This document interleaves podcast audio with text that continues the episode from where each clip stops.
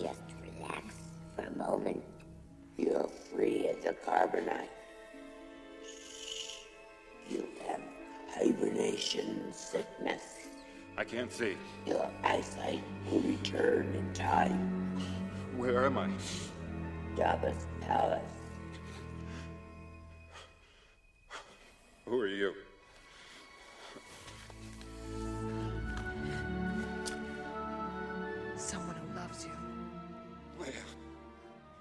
Rebellradion må vara frusen i karbonit, men vi har tinat upp en av dess medlemmar. Idag har vi med oss Daniel. Hej Daniel! Hej! Och idag tänkte jag att vi skulle prata lite om när kärleken mellan Star Wars och oss som fans kanske får sig lite av en törn. Jag som pratar heter Hanna och du lyssnar på Escape Pod.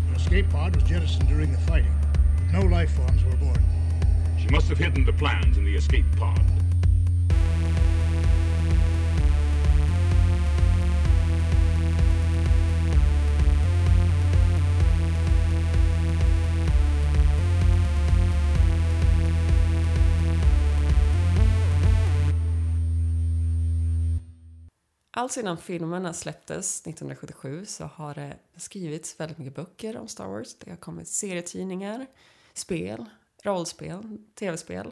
Eh, allt det här har gjort att vi har fått det väldigt enorma Star Wars-universum som vi har.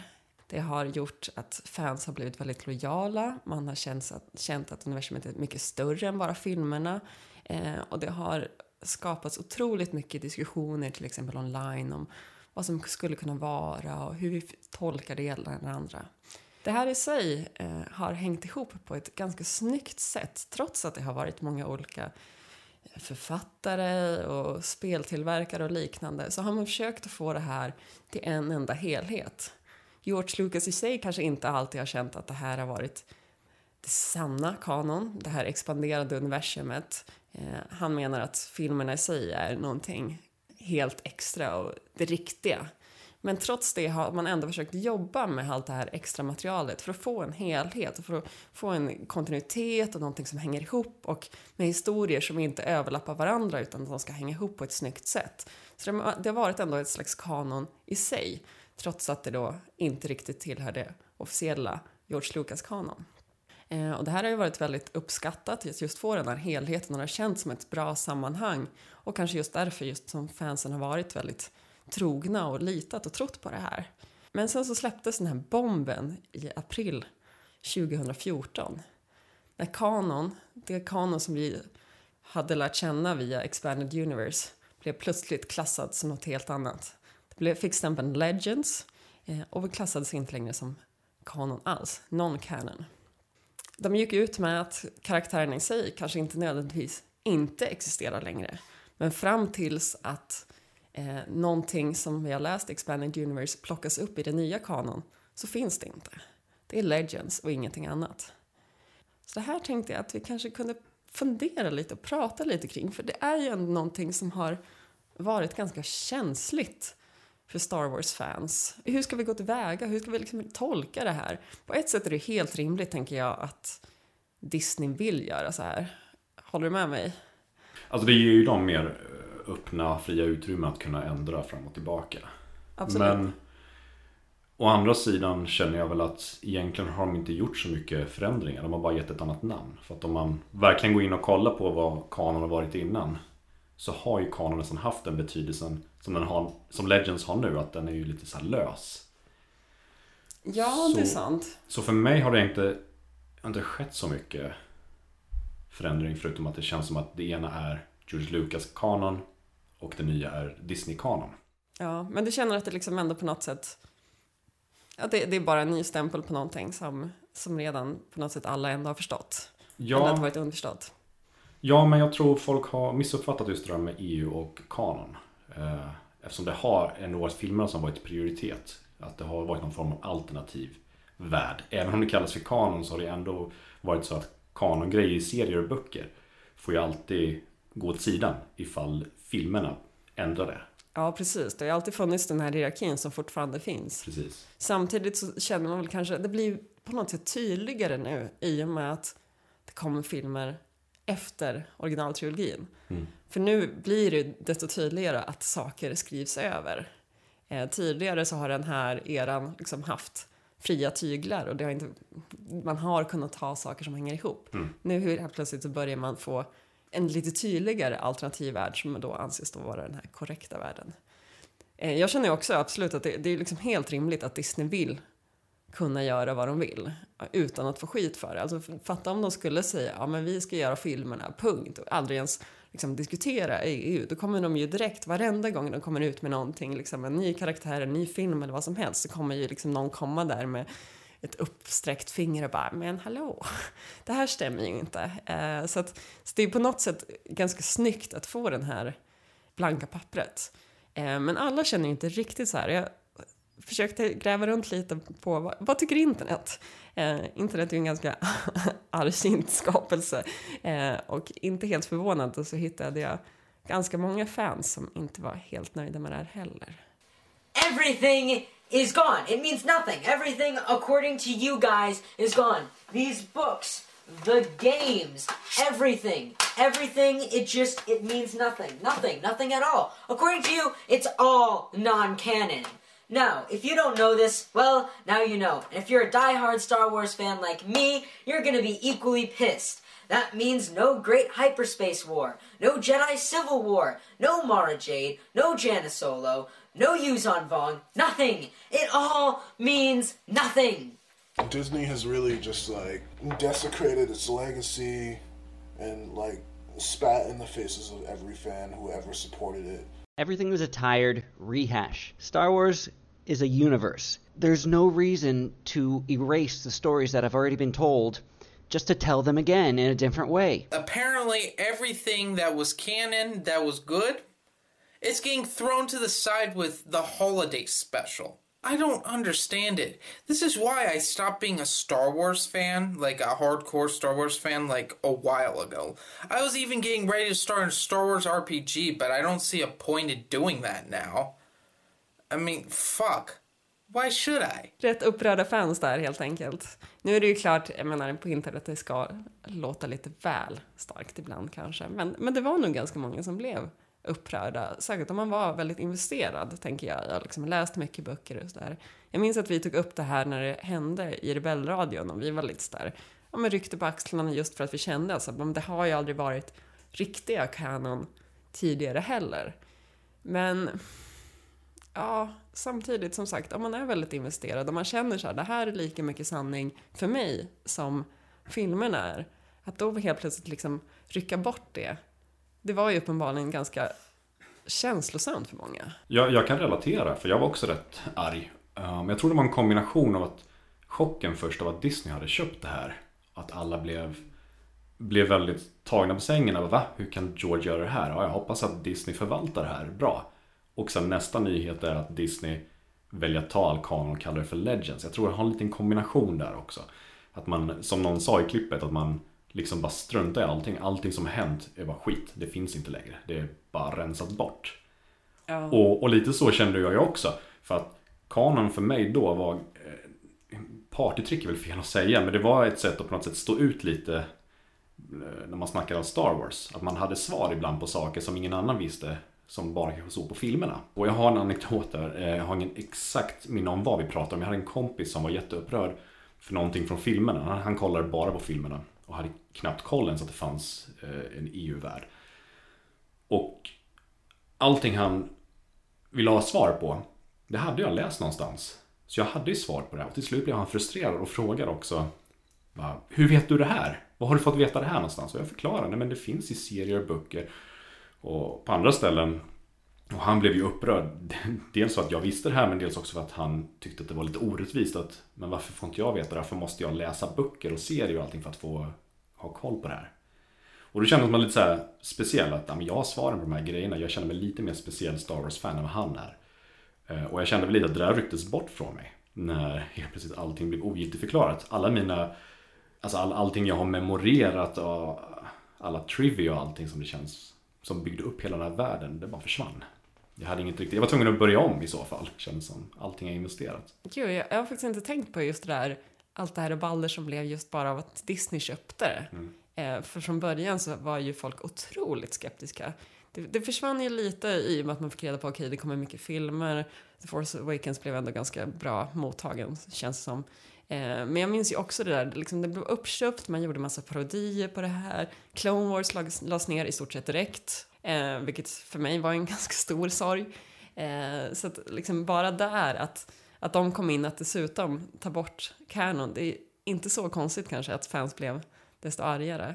Eh, jag tycker också att det är intressant det du pratar om den här liksom identitetsgrejen. Eh, jag läste en intervju med Eh, Chuck Wending som skrev Aftermath, den här boken som ja, vi recenserar ni, ni har recenserat och vi har recenserat i Rebellradion, första och andra delen. Eh, han blev ju på något sätt den som skrev den första riktigt stora eh, romanen i, i nya canon. Eh, vi kanske ska säga det att allting då som var efter 2014 i stort sett allting det anses nu vara canon, så även om det inte bara är filmerna så det kan alltså vara serietidningar, böcker och tv-spel. Det anses alltså vara canon, så det finns det här nya Disney-canon som är alltså allting efter, sånär som några enstaka undantag, lite rollspel och sånt där.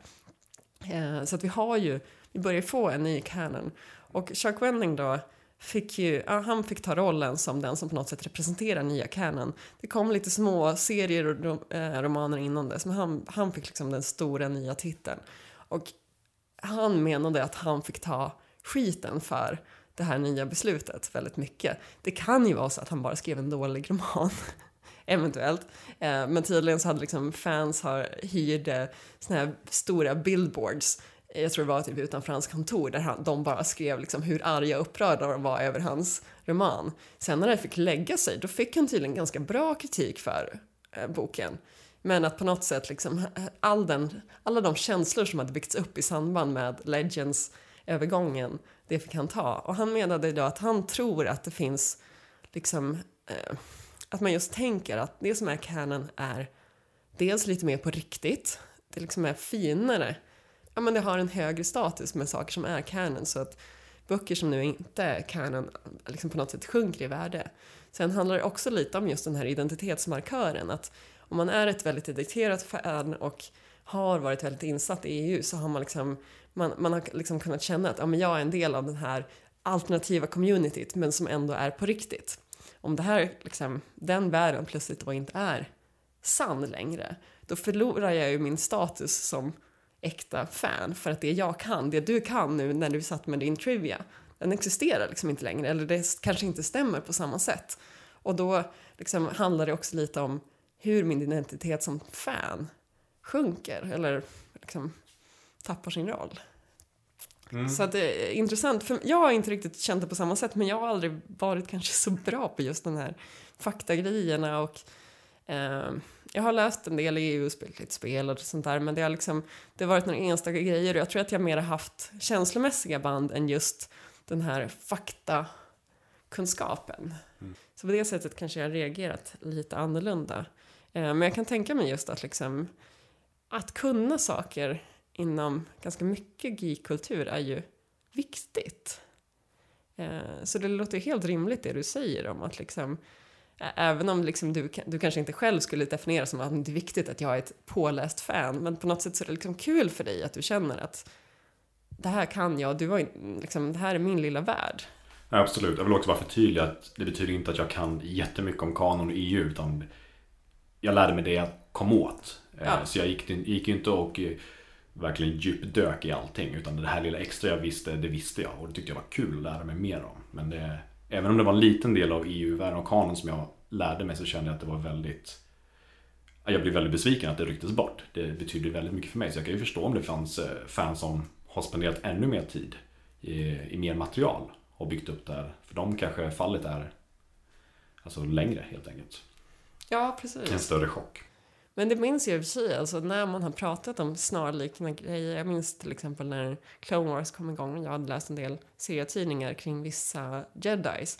Att på något sätt bara kunna bidra med lite bonus-trivia ibland var ju liksom lite kul för det kunde ju få igång diskussioner. Att säga, jaha men du kunde inte det här. Ja men jag väntar, låt mig berätta så kan vi, kanske vi kan spinna vidare på den här diskussionen. Om den andra personen jag pratar med har läst samma serietidningar då kanske liksom diskussionerna på något sätt slutar där. Men om man på något sätt har den här dialogen och man liksom man får berätta lite var om något extra som man läst. Då, då kan man ju också få till en mycket mer spännande diskussion.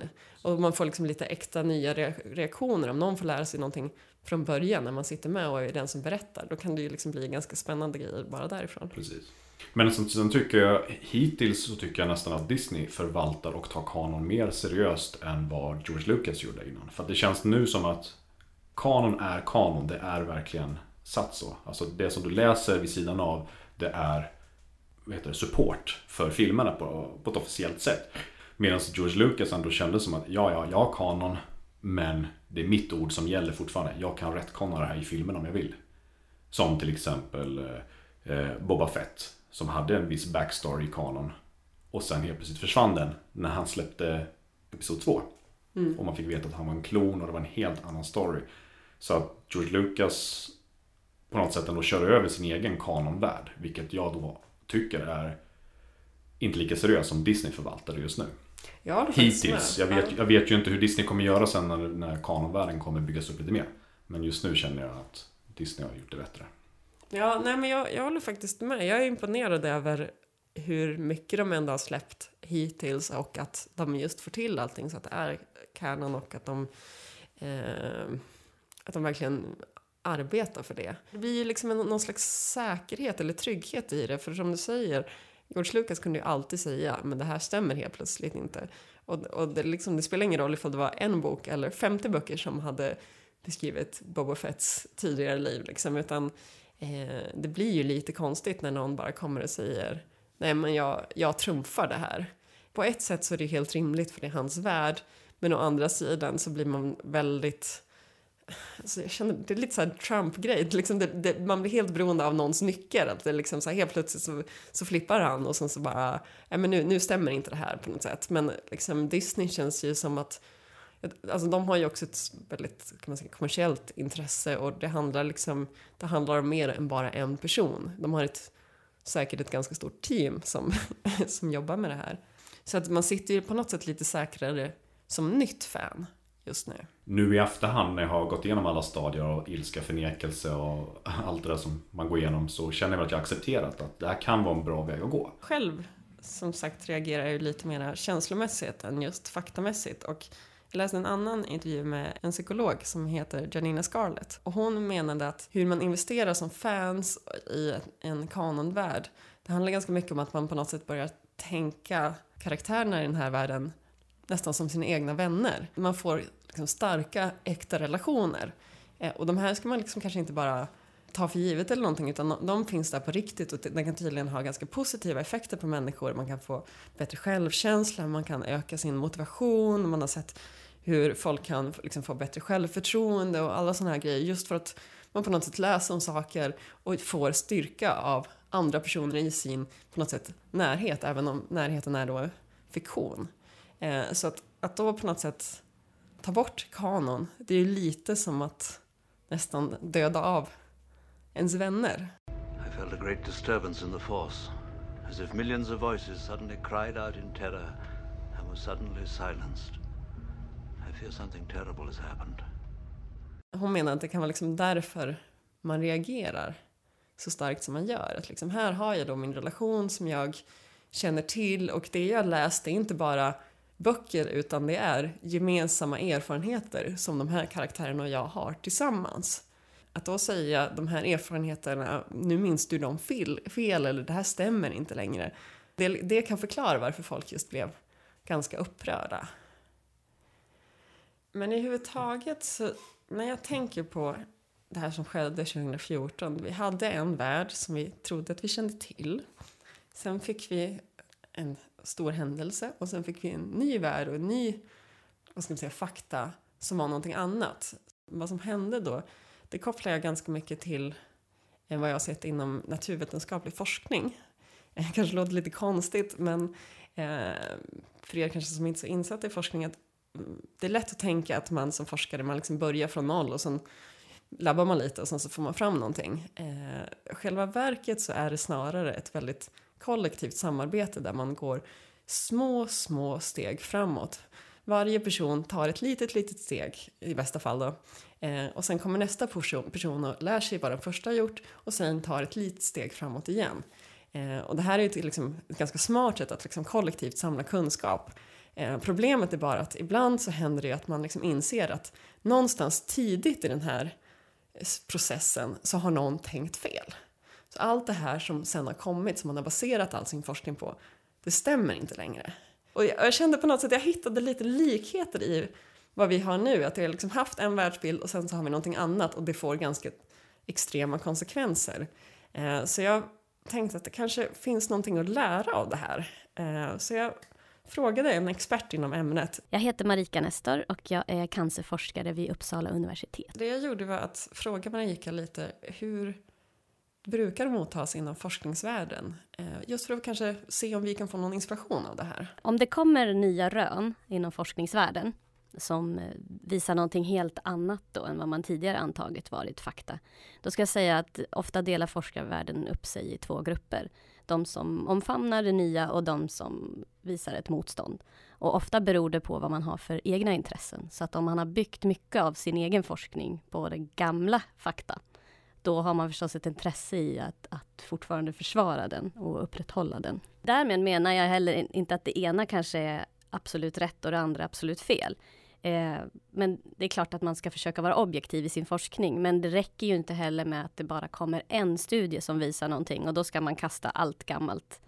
Eh, för det kommer mycket forskning och det kommer även dålig forskning. Så att det gäller också att kunna se lite skillnad på vad, vad man ska tro på och vad man inte ska tro på. För du kommer kunna hitta belägg för det mesta som du vill se eh, om du letar i forskningen. Så att, eh, man kanske ska vara lite skeptisk till en början och sen så gäller det att se, går det här att upprepa? Är det flera som får samma sak? Kan man bygga runt på den här teorin och, och bekräfta den och, och bygga ut den? Jag tycker definitivt att man kan märka av känslomässiga reaktioner och det har jag gjort också inom min tid som forskare.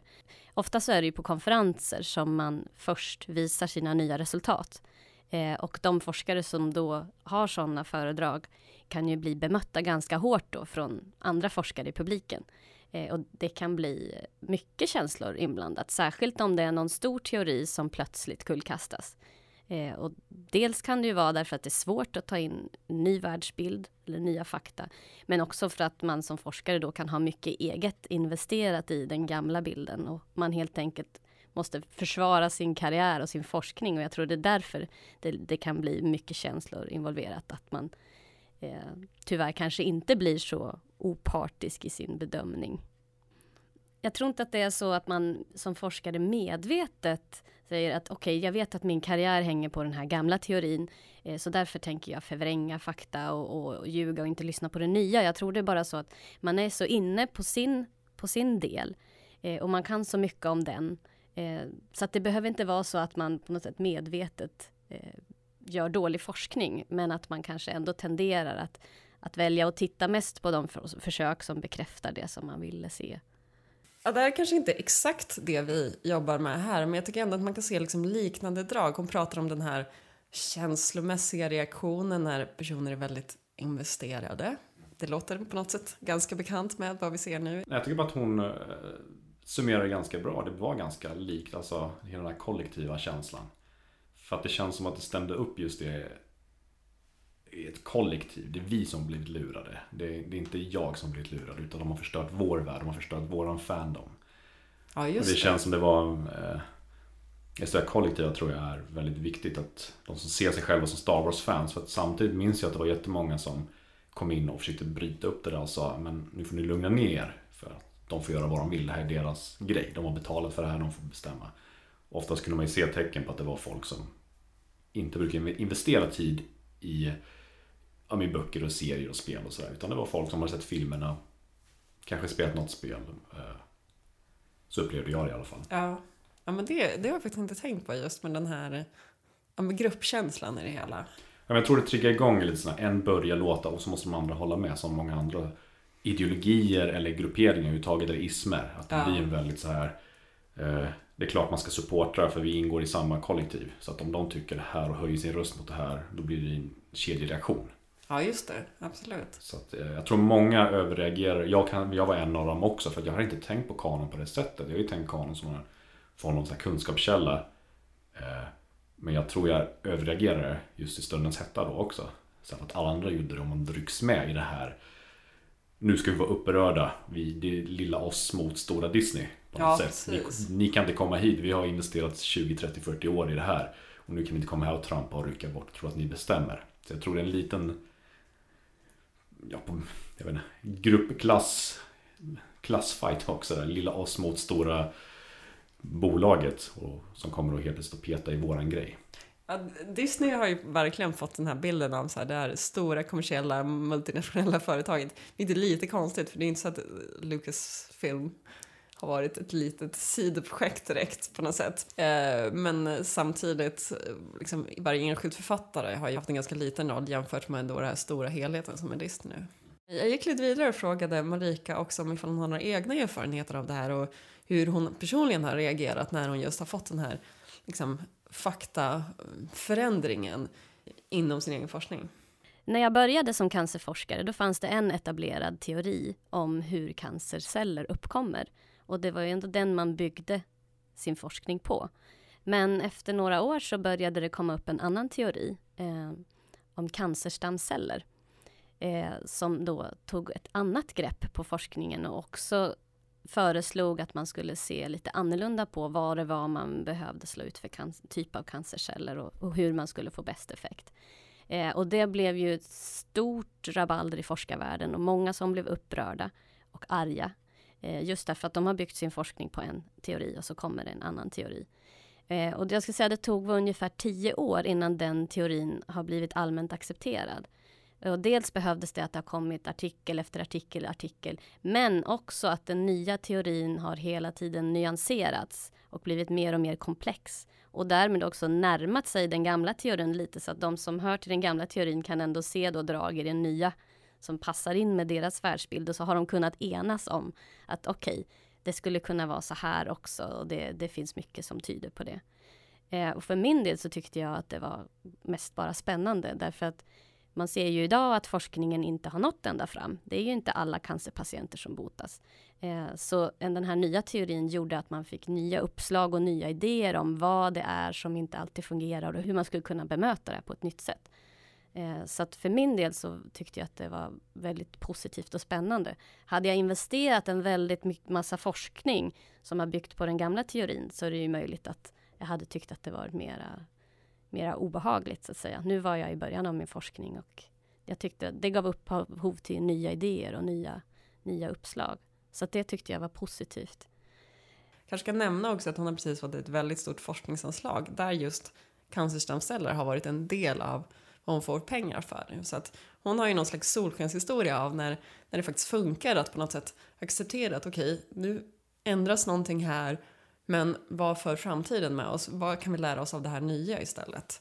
Eh, så jag ty tycker att det är på något sätt ganska fint att se, eh, se just det här att liksom, det, det, handlar inte alltid om att liksom bara hålla fast vid det gamla utan man kan få så otroligt mycket nytt och fint om man bara köper det. Vi hoppas att det inte tar tio år innan vi accepterar nya kanon som det tog för hennes värld där. Ja, men vi är uppe i tre år nu och jag Ja. skulle nog säga att det inte riktigt har satt sig ännu. Så.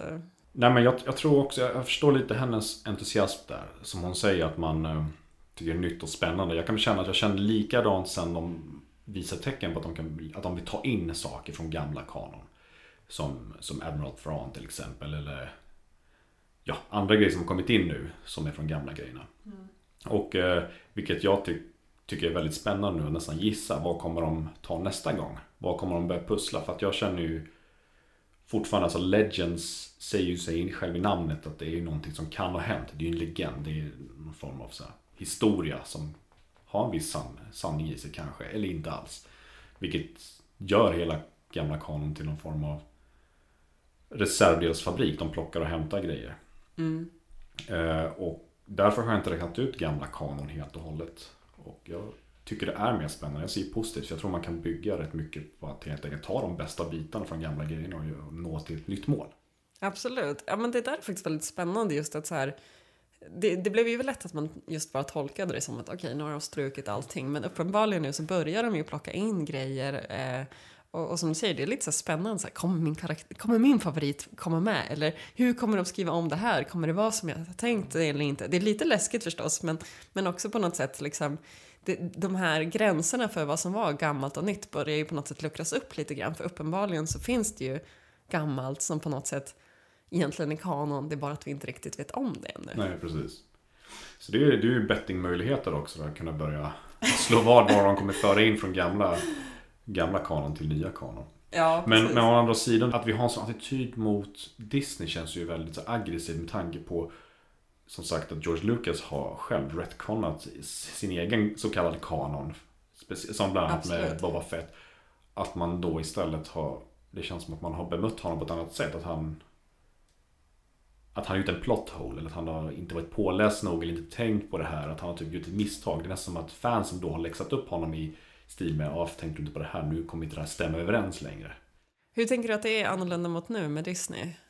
Är det mera bara allmän ilska liksom? Det kanske är en grej just att mot George Lucas var det lite fans mot George Lucas. Man kunde sitta och peka så här. Nu gjorde du fel George. Nu har mm. du fuckat upp här eller någonting med plot holes så. Medans fans versus Disney så känns det väl lite mer som att vi var här först. Nu mm. kommer ni här och, och pajar istället. Just det. det kanske var mer, ett samspelt, eh, en symbios mellan fans och George Lucas förut. Där de så här bytte mellan varandra vad de tyckte och vad de visste. Och ja, han känns ju ändå som att han anpassats ganska mycket efter vad fans ja, precis. har tyckt. Så det känns mer som att, ja, George Lucas var pappan som stack och lämnade barnen och helt plötsligt kommer nya eh, styvpappan in och så blir ja, och ja. Ska, nu ska styvpappan måste bevisa att, eh, att han duger. Ja, alltså båda har egentligen besvikit, eller gjort fans besvikna, men på olika sätt menar du? Mm. Precis. Det jag tänker på som Marika pratade här nu också om det är att så här, hon sa att liksom den här nya teorin om cancerstamceller, det var ju lite ramaskriv när det precis kom. Men sen så på något sätt började det accepteras för att man liksom på något sätt började ja, men också mjuka upp det lite grann. Man började tänka hur kopplar det här till det gamla och det kanske inte var så svartvitt som vi trodde från början. Eh, utan liksom, det handlar lite om att tolka det och att eh, ja, men se hur kan vi kombinera det gamla och det nya, precis som med Legends här som jag har varit inne på. Från att tänka vi har två faktasegment. Vi hade det gamla EU, vi har den nya kanon och de är två helt skilda. Så kanske det går att på något sätt tolka någonting däremellan. Och hur, hur kan vi liksom bemöta det här eller hur kan vi ta oss an nya kanon och gamla legends? Det känns som att det finns en yrkesgrupp som är ganska van vid just tolkningar. Jag heter Ludvig Lindelöf och är präst i Svenska kyrkan. Ja, just präster och liksom religion i allmänhet handlar ju ganska mycket om just tolkningar av skrifter. Kanske kan det finnas någonting i hur eh, präster tar sig an Bibeln som vi också kan lära oss av. Eh, så jag börjar med att fråga lite, hur, hur tolkas Bibeln och hur sker det här? Hur liksom är processen kring att tolka Bibeln? I Svenska kyrkan och i kyrkan överlag så tolkas ju Bibeln på, på, väldigt många olika sätt hela tiden. Det är ju liksom en ständigt pågående process. Man kan ju som jag ser det göra liksom olika val angående hur, inte hur mycket man tolkar, utan hur man tolkar. För även de som säger liksom så här att jag tolkar inte Bibeln alls, jag läser som det står, bokstavligt. De gör ju också ett val. De, de väljer ju att tolka Bibeln då, eller skrifterna eller liksom urbekännelsen som den står. Och det är också ett, ett tydligt val. Liksom. Jag väljer att läsa det bokstav för bokstav. Men de flesta försöker nog ändå tolka liksom, metaforiskt till en stor del. Liksom att försöka tolka ut ur en text eller ur ett stycke liksom en, en, kärna av, en kärna av mening eller en kärna av betydelse. Någonting som eh, just den här berättelsen kan innebära. Och, och, den kärnan kan man ju sen liksom överföra till en aktuell situation eller till sitt liv eller, eller så. Jag gillar lite det han tar upp att, att just bokstavstroende också är en tolkning. För jag tänker lite att nu står vi lite inför ett vägskäl där Eh, vi kan välja att på något sätt helt tänka bort Legends eh, och istället tänka, ja nya kanon, det är det vi ska tro på. Eh, sen så pratar vi just nu om att det, liksom, det finns ju också den här möjligheten att på något sätt se någon slags symbios kring det hela. Eh, men, men att liksom just eh, att just acceptera det nya är ju också en, en tolkning. Och inte bara, liksom, det behöver inte vara korrekt, utan det är bara ett sätt att angripa det hela. Det förväntas att vi på något sätt som fans ska vara ense om det här, att vi ska komma överens om att liksom, det är så här vi gör. Det handlar ju kanske ibland ganska mycket inom fandom om att vad som är det korrekta eller inte. Eh, men jag börjar fundera lite på om vi måste vara helt överens om hur vi ska angripa Legends. Det finns ju olika falanger för tolkningar in, inom Svenska kyrkan. Om man hårdrar det lite och generaliserar lite så finns det ju de som, som man oftast kallas för bokstavstroende som kanske inte finns så jättemycket i Svenska kyrkan men som absolut finns. Som ju väljer att eh, tolka allting bokstavligt. Eh, tolka allting så som historiska fakta, alltså att läsa skapelseberättelsen som en berättelse över hur världen skapades. Eh, punkt för punkt, dag för dag. På fjärde dagen hände detta. Eh, sen finns det ju de som väljer att tolka det liksom mycket mer metaforiskt. Men det finns absolut strider kring hur det ska tolkas. Framförallt inom ja, men vissa läger. Liksom. Eh, man är inte alltid så överens generellt och då blir man inte heller överens om hur man ska tolka Bibeln. För att man vill ju tolka Bibeln så att det som... Jag vill ju tolka Bibeln så att det som jag tycker och tänker stämmer överens med Bibeln. Medan andra vill ju tolka Bibeln så att de, det de tycker och tänker stämmer överens med Bibeln eftersom det är Bibeln som vi hela tiden har som ut, utgångspunkt utifrån allting vi gör.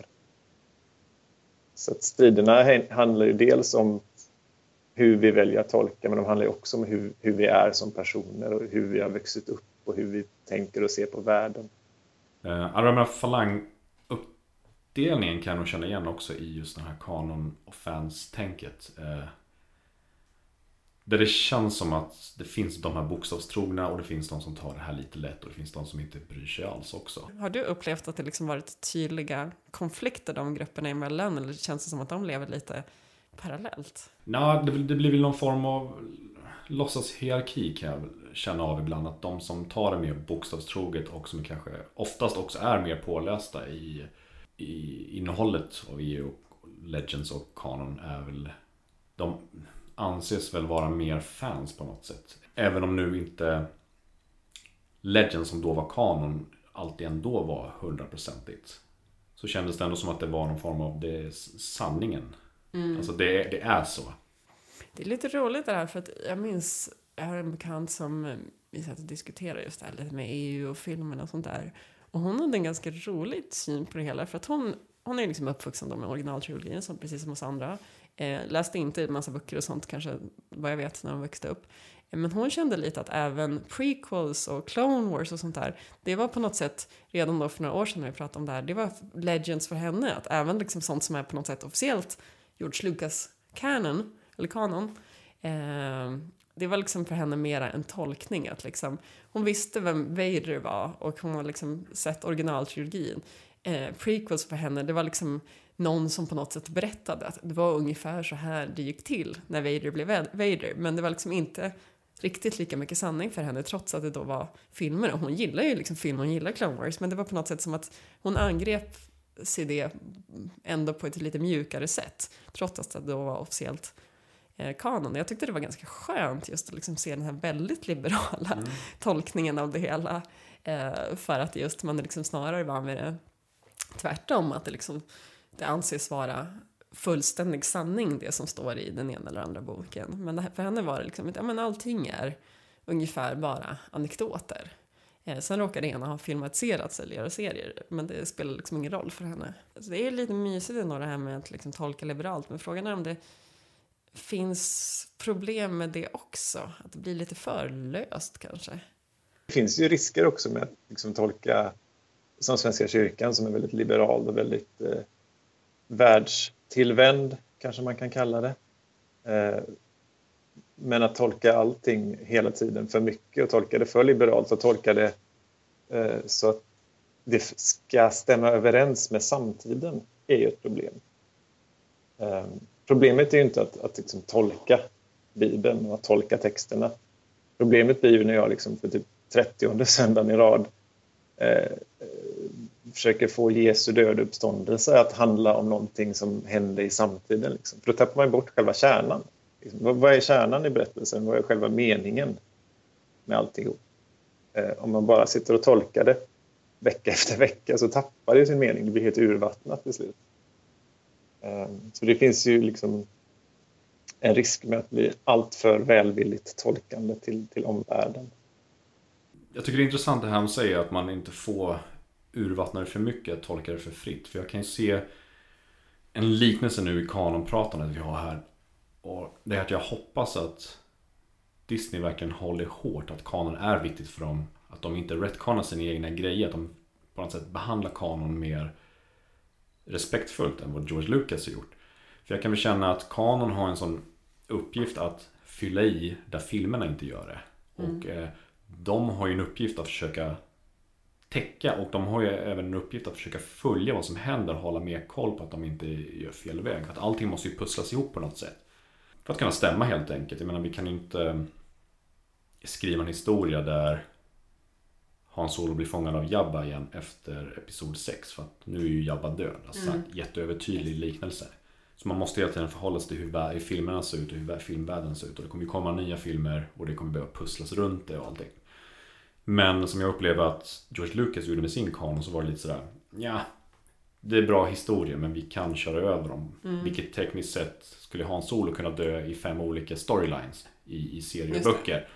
Och bara som ett sätt att försöka chocka i storyn. Ja. Vilket på något sätt också blir att man tar det mindre seriöst. Det vattnas ur. Då kommer man inte ta kanon på allvar. Jag Nej. vill ta kanon på allvar för att jag gillar att världen byggs upp som en enhetlig crossmedia universum. Det där är intressant, om man vill läsa på mer så finns det en bra bok som heter Konvergenskultur som är skriven av eh, Jenkins. Jag kommer inte ihåg vad han heter förnamn nu. Men han pratar ju så mycket om det här med hur man har börjat bygga universum just kors och tvärs över medier. När nya och gamla medier möts. Och att man, hur man har utnyttjat just det här för att kunna bygga upp ett universum och göra till serier och film och spel och så grejer. Men om man tar alltså ett ärligt titt på gamla kanon som nu är Legends så gick den ju emot sig själv flera gånger om.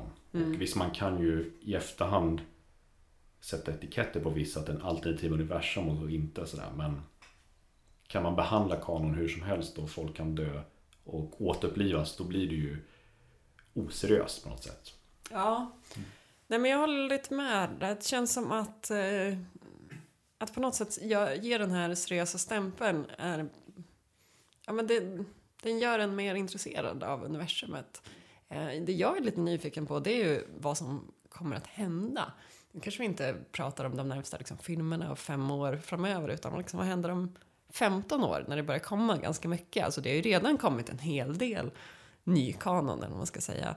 Eh, frågan är ju, kommer Disney lyckas förvalta det här så snyggt att det bara fortsätter hänga ihop. Eh, liksom det, det, krävs ju en otrolig eh, alltså, otroligt liksom välstrukturerat maskineri och liksom bra kontroll över allting som släpps. Och nu verkar de ju vara väldigt seriösa med det, men liksom, kommer de ha orken till det om 15 år och liksom, eh, när de inser att oj, nu har vi en jättespännande historia vi vill berätta, men den hänger inte riktigt ihop med det här seriealbumet som kom 2019. Tror du att det kommer bli en reboot när Disney fortfarande äger Star Wars? Menar du rent alltså, universummässigt eller filmmässigt? Ja, ja, men kanske universummässigt. Alltså lite det de har gjort med Legends. Tror att det kan ske igen? Jag tror risken är större att man går åt Lucas-hållet. Att man börjar tolka det löst. Att man har en mer liberal, liberal syn och blir mer alternativa universum än att det följer main story-världens kanon. Ja. Jag tror risken är större där. Det kan nog stämma. Det känns ju som att det är lite underförstått att vissa saker är finare än andra. Filmerna är på något sätt mera kanon. Men de påstår att allting är jämbördes just nu. Men jag har svårt att se att de liksom, ja men just som sagt så här, något ganska kort album eller någon liten roman någonstans liksom, att den ska få företräde när de vill spela in sin nästa blockbuster om tio år. Nej, någonstans är det ju, alltså jag förstår ju filmen i prioritering för det är ju en större målgrupp också. Man vill, Absolut. man vill ju inte göra en stor distans mellan fansen som nöjer sig med filmerna och fansen som vill eh, dyka djupare. Men jag tycker det är synd. Eh, jag kan väl känna att jag är lite mer liberal just nu eh, för kanon och, speciellt Legends. Men jag, jag önskar att jag kunde vara mer bokstavstrogen för att jag jag tror, alltså, skulle det komma till en punkt där allting faktiskt stämmer, att de har pusslat ihop det där väldigt bra, att det inte går emot det eller att de retconar sina egna grejer. Så är jag gladeligen bokstavstrogen för jag tycker det är mycket roligare att kunna bygga ett större universum där saker faktiskt stämmer. Ja. Än att sitta och hålla på och jämföra. Ja, men i den här serien så sägs det så här, men den här boken säger det här som går emot. Och då blir det, mm, då kan jag lika väl strunta i båda två för att vilket är sant. Ja, precis. Jag tänkte vi ska snart komma tillbaka till liksom hur vi, våra egna personliga tolkningar i det hela. Nu eh, tittar vi ju lite mer på hur man kan angripa det, men vi kommer snart gå in på lite mer hur vi själva har tolkat det hela. Jag tänkte bara låta Marika och Ludvig få ge lite tips eller förslag till hur man kan göra när man just ska hantera förändring och eh, när det kommer till tolkning. Så kanske vi får lite inspiration där. Ja, det första är väl att motstå den här impulsen att, att slå ifrån sig eh, och att bli rädd. Eh, det är väl, de flesta kanske instinktivt tycker att det är obehagligt när det kommer någonting nytt. Man har vant sig vid en världsbild och så kommer det någon ny och då vill man bara slå ifrån sig. Eh, så första är väl att sitta lugnt i båten kanske. Eh, och det behöver ju inte vara så att, att det stämmer. Man- Det första blir väl någon slags källkritik faktiskt. Eh, och titta på vad, vad kommer det här ifrån? Vem är det som säger det och verkar det rimligt och, och kan det bekräftas? Och i så fall, vad skulle det kunna betyda och vad skulle det kunna betyda för några vad skulle det kunna ha för positiva konsekvenser? Kan vi använda det här på något sätt? Ger det oss några nya vinklingar som vi kan använda oss av? Jag tror man ska vara, jag tror man ska vara kritiskt positiv till förändring. Eh, man ska inte bara slå bort förändringen direkt. Liksom tänka att det här är dåligt, nu, nu är allting dåligt. Nu, nu är alltid det jag trodde förut förändrat och jag, jag, jag kan inte gå med på det här nya. Det har vi ju sett i kyrkan liksom, som, som har splittrats i, från en kyrka till liksom, ja, men nu är det väl tusen olika kyrkofraktioner. Liksom, för att det är någon liten detalj som man inte tycker stämmer överens med, med, med den andra kyrkan. Och så splittrar man upp och bildar en ny kyrka. Då tappar man gemenskap. Liksom. Om, om, om, om man istället kan förhålla sig kritiskt positiv, alltså se att det här är ju intressant, det här är ju spännande. Eh, ja, för mig är den här delen väldigt viktig och jag vill inte vika undan på den delen. Men jag kan liksom se de andra positiva erfarenheterna eh, i det andra. Då tror jag att det skulle vara bra tror jag, för en själv. Ja, vi slutar ganska positivt där tror jag. Nu kanske vi ska återigen påpeka att de pratar ju om sina områden. Liksom, det är inte Star Wars Fandom vi snackar här, men jag känner ändå att de har så mycket erfarenheter som påminner om det vi ser nu. Så att det känns ändå som att eh, jag kan liksom ta till mig lite av det de säger. Nej, jag, jag håller med. Ehm, och det klassiska svaret till samma ilska som brukar dyka upp när det blir en reboot eller liknande är ju att du har ju kvar dina gamla grejer. Det är inte så att Disney har kommit hem till dig och bränt sönder dina böcker och tidningar och spel. Du kan ju fortfarande uppleva dem så också. Men jag tycker det är nog sunt att kunna, som man säger också, vara kritisk. Men Mm. vara positiv mot det som kommer. För att vem vet, det kan ju komma alltså, bättre grejer. Det vet vi ju inte än. Nej. Och eh, för min personliga del så kan jag tycka att Rogue One är eh, steg åt den riktningen jag önskar att George hade gått för länge sedan. Ja, vilket, vilket stärker min mitt hopp och tro till Disney och deras kanon. Att de kommer utforska mer åt, den, åt det hållet. Mm. Så jag är, ja, men jag visst jag är kritiskt positiv men jag har ju fortfarande mina gamla serier och böcker som jag kan återvända till. Alltså de försvinner ju inte. Även om de kanske inte är lika sanna som förut. Listen to me, Montag. Once to each fireman, at least once in his career, he just itches to know what these books are all about. He just aches to know, isn't that so? Well, take my word for it, Montag. There's nothing there. The books have nothing to say.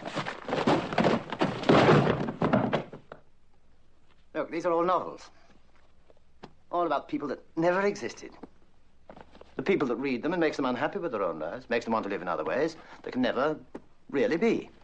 ja, nu har vi fått lite tips på hur man kan ta sig an det här. Eh, varför man reagerar känslomässigt på grejer och eh, lite om vad framtiden skulle kunna komma att utvisa. Eh, jag tänkte att vi kanske kan fundera på liksom, vilka olika tolkningar av det här finns det egentligen? Eh, när det kommer till EU och Legends och nya kanon liksom. För jag minns i förra avsnittet så pratade vi om Sith.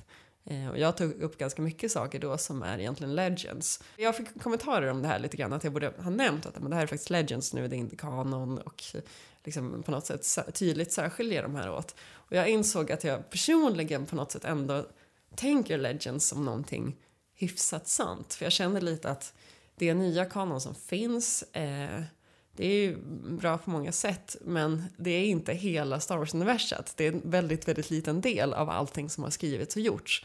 Så att jag måste på något sätt fortfarande tänka Legends som sanningen för annars så känns den här världen lite för liten just nu. Framförallt kanske också när det kommer till Escape att om vi skulle vara helt begränsade av nya kanon då har vi inte så mycket att prata om längre. Eh, vi, vi vill ju liksom gräva djupt in i ämnen och på något sätt försvinner då 90 procent då, då blir det lite tunt känner jag. Eh, så jag insåg att jag liksom rent personligen tänker att Legends på något sätt fortfarande stämmer. Vet inte riktigt om det här alltid har funkat så bra för mig för jag känner ju också direkt att det blir strul nu när gamla Legends och nya kanon eh, går i clash med varandra. Alltså, jag minns till exempel när Dark Disciple kommer som är kanon. Man får reda lite på hur, vad som hände med Quinlan Voss. Voss. Eh, och jag har läst serietidningar och jag såg absolut likheter mellan Legends och kanon i hur de beskrev hans personlighet men jag såg ju hur historierna gled isär. Och jag kände att jag liksom, jag hade inte riktigt, vad ska man säga, verktygen för att veta riktigt hur jag skulle ta mig an det här. Jag sitter också nu och läser lite Thrawn. Eh, jag är en av de här som inte har läst Thrawn-trilogin tidigare. Och man liksom ser här om Leia som har kanske lite mer jedi powers än vad hon har i Force Awakens. Hon är gravid med tvillingar. Man liksom direkt vet att men det här det här är inte riktigt sant, men det här är bra böcker så jag vill ju läsa böckerna. Liksom. Eh, så att problemet med att vara här riktigt liberala, det är lite det Ludvig är inne på, att det blir liksom så väldigt löst, man, man liksom förlorar kärnan på något sätt. Så jag vet inte om det är en bra tolkning, men det är bara så jag liksom råkat ha gjort hittills. Hur har du gjort? Jag tycker det är en bra tolkning, för det är ungefär vad jag, eh, hur jag också ser på det. Jag tror förut så såg jag det mer på, på ett utomstående sätt. Om vi ska jämföra diegetiskt och icke-diegetiskt. Ifall man inte är bekant med termerna ska man förklara med eh, till exempel inom film, om man säger att musik är diegetisk, det betyder att det är musik som en person lyssnar på i kanske i filmen från en radio eller någonting. Medan icke-diegetiskt är musiken som är pålagd på filmen som vi som tittar bara hör. Och jag har bytt lite från en icke-dietisk synsätt på Canon Legends där jag, jag ser mig som en fysisk grej till att vara mer diegetisk och känner att visst, kanon nu är kanon, jag har accepterat det. Men Legends är någonting som existerar i världen. Det är legender och historier som har hörts av en eller flera personer. De finns, existerar där som historier i världen. Ah, eh, och samma sak här, de kan vara sanna eller inte sanna, men de har i alla fall berättats på något sätt eller hörts. Mm. Och, så det är som en form av eh, en tro, kan jag tänka mig. Så att allt det här från Old Republic till exempel, det är någonting som folk tror, eller en tror, eller vem som helst tror. Ja. Som kan vara sant eller inte. Men jag räknar det som en historia jag tror på. Tills någon kommer in och motbevisar det. Om du träffar Luke i Return of Jedi-eran och så frågar du vad hände egentligen i Old Republic? Då skulle han börja prata om Darth Revan. Ja, om man nu har hört om det. Ja, så som precis. han har hört Ja. det. Så jag tycker, därför jag tycker Legends är ett passande namn. För att det blir alltså... Jag försöker se det just diegetiskt. Det är, Legends är någonting som har getts i världen. Inte av skaparna utan av karaktärerna. De har satt en epiteten eller namnet på alla de historier som vi nu då inte kallar för kanon. Så om det då eh, får de här liksom tydliga clasherna när saker som du har tagit del av plötsligt inte stämmer. Hur hanterar du det? Då är det liksom på något sätt att du tänker att ah, men det här visade sig inte stämma. Det var, en, det var liksom en berättelse som, som någon hade liksom förvanskat över, tid, det hade förvanskats över tiden eller på något sätt Ja. inte skrivits ner korrekt. De där är ju svårare. Eh, Det är lättare för saker som hänt för länge sedan i, i världen. Jag kan tycka att det är mer problematiskt just med de här storyn, stories som går jämsides med filmerna eller mellan eller precis efter. Mm. Ehm, och det är ju ett problem. För där går det lite emot min teori. Alltså där känns det verkligen som två skilda världar. Ehm, jag har nog inte riktigt tänkt på det så mycket. Nej men Ja, man skulle kunna se, man skulle kunna se det som Som du säger att det upplevs på ett annat sätt. Men man kan ju också köra fega utvägen att eh, det, det är en alternativ värld. Mm. Så från eh, böckerna till exempel är alternativ historia. Blir en parallelltidsaxel. Ja. Om man vill göra så. Marvel här. Precis, om man vill. Jag sätter inga regler, men det är så som jag tolkar det. Då får man ha kanske lite mer öppet. Tänka att nej, men det här är ett annat sätt att skriva den här historien på med karaktärerna. Mm.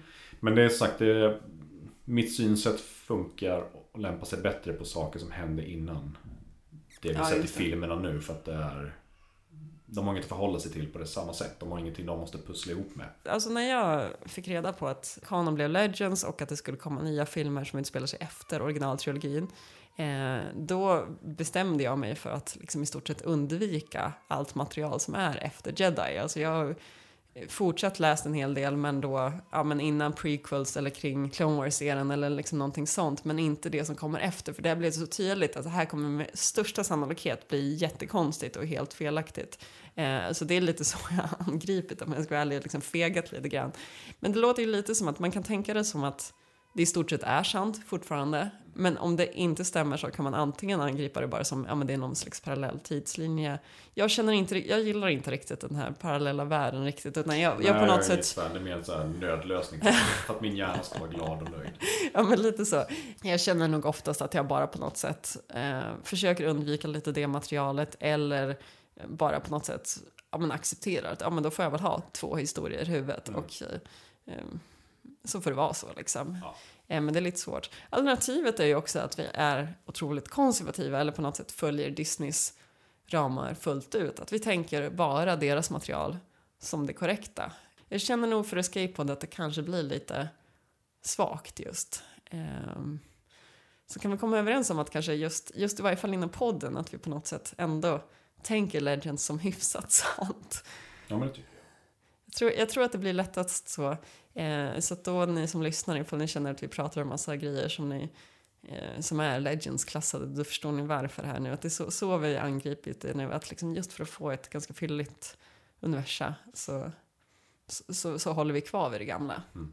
Men du, finns det någonting i eh, Legends som du känner förstärkte ditt, eh, ditt sätt att se på Star Wars? Antingen karaktärer, händelser eller filmerna på något sätt som lyfte upp eller kanske förklarade någonting som gjorde saker bättre? Som kanske är synd nu att det inte är kanon längre. Men...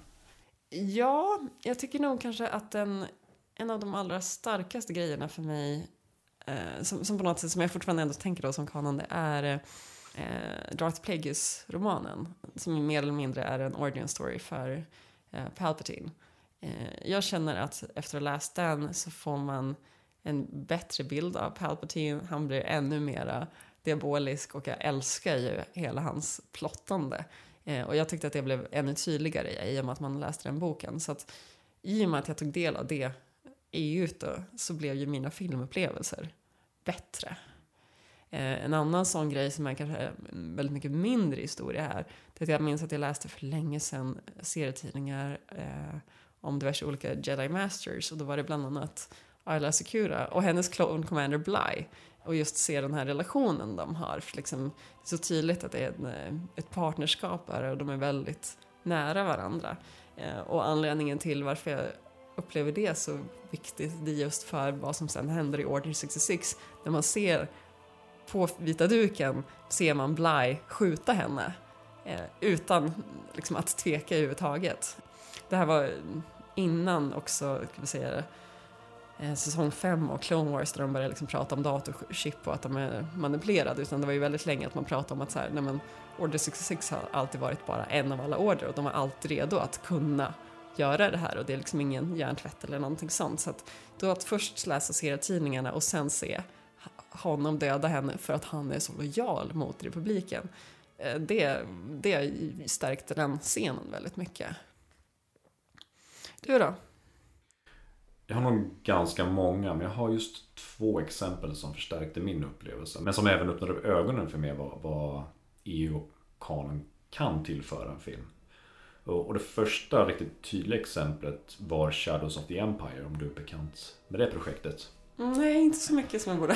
Shadow of the Empires var ett, eh, ett multimediaprojekt som Lucas gjorde. Där de skulle släppa en massa material, som om det vore en film som skulle släppas. Men det släpptes ingen film. Utan man släppte ett soundtrack, man Mm. släppte en bok, serier, spel och så. Som alla fokuserar på olika delar. Eh, om man säger så. Alltså, det här utspelar sig parallellt med Empire Strikes Back och mellan Empire Strikes Back och Return of the Jedi. Men man följer lite olika personer i, beroende på vilket material man har. I spelet så är man Dash Rendar som eh, ja, en okänd figur som man får följa lite parallellt med från Hoth till eh, ja, jakten på alla möjliga människor som vävs in i alla andras historier också. Eh, boken fokuserar mycket på huvudkaraktärerna Leia, Luke och så. Och Vader. Jag fick upp ögonen för det här för jag hittade skivan av en slump i affären och tänkte vad är det här? Det här är Star Wars men ändå inte Star Wars. Så jag köpte den, lyssnade på det och sen började jag leta upp efter allt annat material, serier och så. Men jag fick upp ögonen på att man kunde göra berätta så mycket mer emellan filmerna. För att om man tänker efter just med Empire Strikes Back och Return of the Jedi så även om det är tidshopp så blir det väldigt litet sånt. Alltså om man skulle kolla på filmen direkt efter varandra så får man inte den här känslan att det händer saker emellan egentligen. Det känns ju nästan som att Boba Fett försvinner med, med en frusen Han Solo och strax därefter, kanske en månad eller någonting så kommer de till Jabbas palats för att ja, claima honom tillbaka. Men om man följer Shadows of the Empire materialet så händer det så mycket mer. Det blir en annan story emellan och det blir mer twister och det är andra karaktärer som kommer in och försöker eh, beblanda sig och så. Så det blir det öppnar upp universumet för mig. Det blev inte Ja, den här raka tidslinjen. Vilket ju, jag tyckte var väldigt intressant. Att det händer ju faktiskt saker. Dels samtidigt som filmerna. Men även emellan också. Och då tyckte inte jag Star Wars kändes lika klaustrofobiskt. Så det där var en liten aha-upplevelse för mig och stärkte ganska mycket känslan av att det, det är en stor värld. Mm. Det andra exemplet är Vader.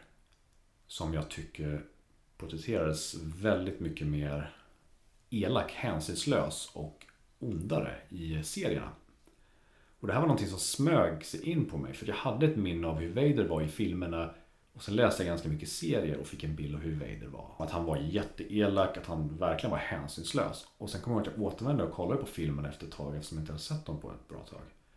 Och tyckte att han var lite mesig i filmerna nästan. Ja. Så hela den här bilden av Vader i serien hade undermedvetet byggt upp en aura.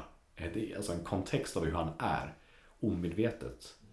Och det förstärkte ju sen filmupplevelsen för jag vet hur Vader egentligen är. Även om Vader egentligen hönsas lite med i Episod 4. Medan Tarkin Mm. bossar ju honom. Enough of this. Vader, release him. As you wish.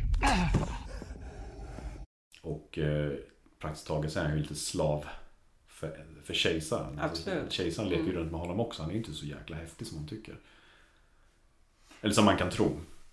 Men eh, just Vader eh, Vader växte hos mig i serievärlden och det är lite där jag var rädd att de skulle ta bort eh, när de gjorde det till Legends och skulle börja med en ny kanon. Jag hoppas de skulle försöka hålla Vader i samma samma ondska.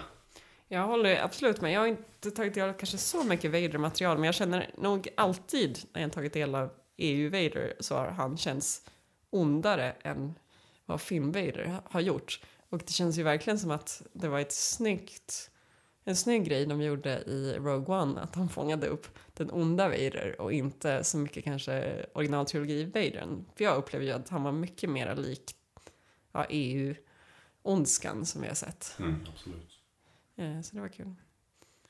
Ja, det känns som vi har haft ganska mycket eh, både tankar och kanske känslor inför just det här. Och det är nog inte så enkelt som vi trodde från början. Och, ehm, jag minns när vi just som sagt tog upp det här i Rebellradion för några år sedan och vi fick liksom ett ganska upprört läsarbrev som tyckte att vi liksom bara passerade ämnet lite för snabbt. Det här kanske är ett litet sätt för mig att få revansch för det här. För jag känner nu efteråt att jag liksom insett att det jag trodde inte spelade så stor roll för mig märker jag nu varje gång jag tar del av någonting nytt som inte stämmer med det gamla. Det, det känns, det skaver lite grann. Det är inte så lätt som jag kanske trodde från början. You're breaking my heart. You're going down a path I can't follow. Jag har funderat lite mera på det här med liksom hur vi som fans reagerar. Det blir ju lätt på något sätt som att det kan bli den här känslomässiga ilskna liksom, fansstormen på internet. Eh, känner du igen det här? Oh ja. det kan skrivas i forum och det liksom Ja, men det känns som att det i stort sett skrivs, skrivs liksom spaltmeter om någonting som har gjorts fel inom Star Wars. Eh, men jag känner att det också finns en annan sida av det här. Du som har varit på Celebrations kanske har sett det här extra mycket. När det ibland känns som att vi på något sätt köper allting som har med Star Wars rakt av. Jag har ju bara sett filmklipp från Celebrations men där känns det liksom på något sätt som att liksom eh, någon sitter i en panel, öppnar munnen och liksom, publiken reser sig och blir stående ovationer oavsett vad den här personen säger. Mm. På ett nästan lite kusligt sätt kanske man kan säga.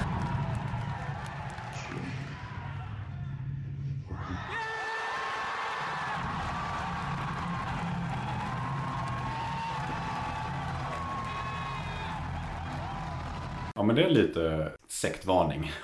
Ja, Kanske man ja, inte får men- säga. En kultvarning. Men lite väckelsemöte liksom. Ja men lite. Man dras med i, eh, i en energi som finns där. Ja. Blir det. Och man ifrågasätter inte. Kanske när man kommer hem börjar man fundera. När man har kommit bort från det där, få en distans. Men medan man är där så är man ju bara sväva runt och tacka ja till allt.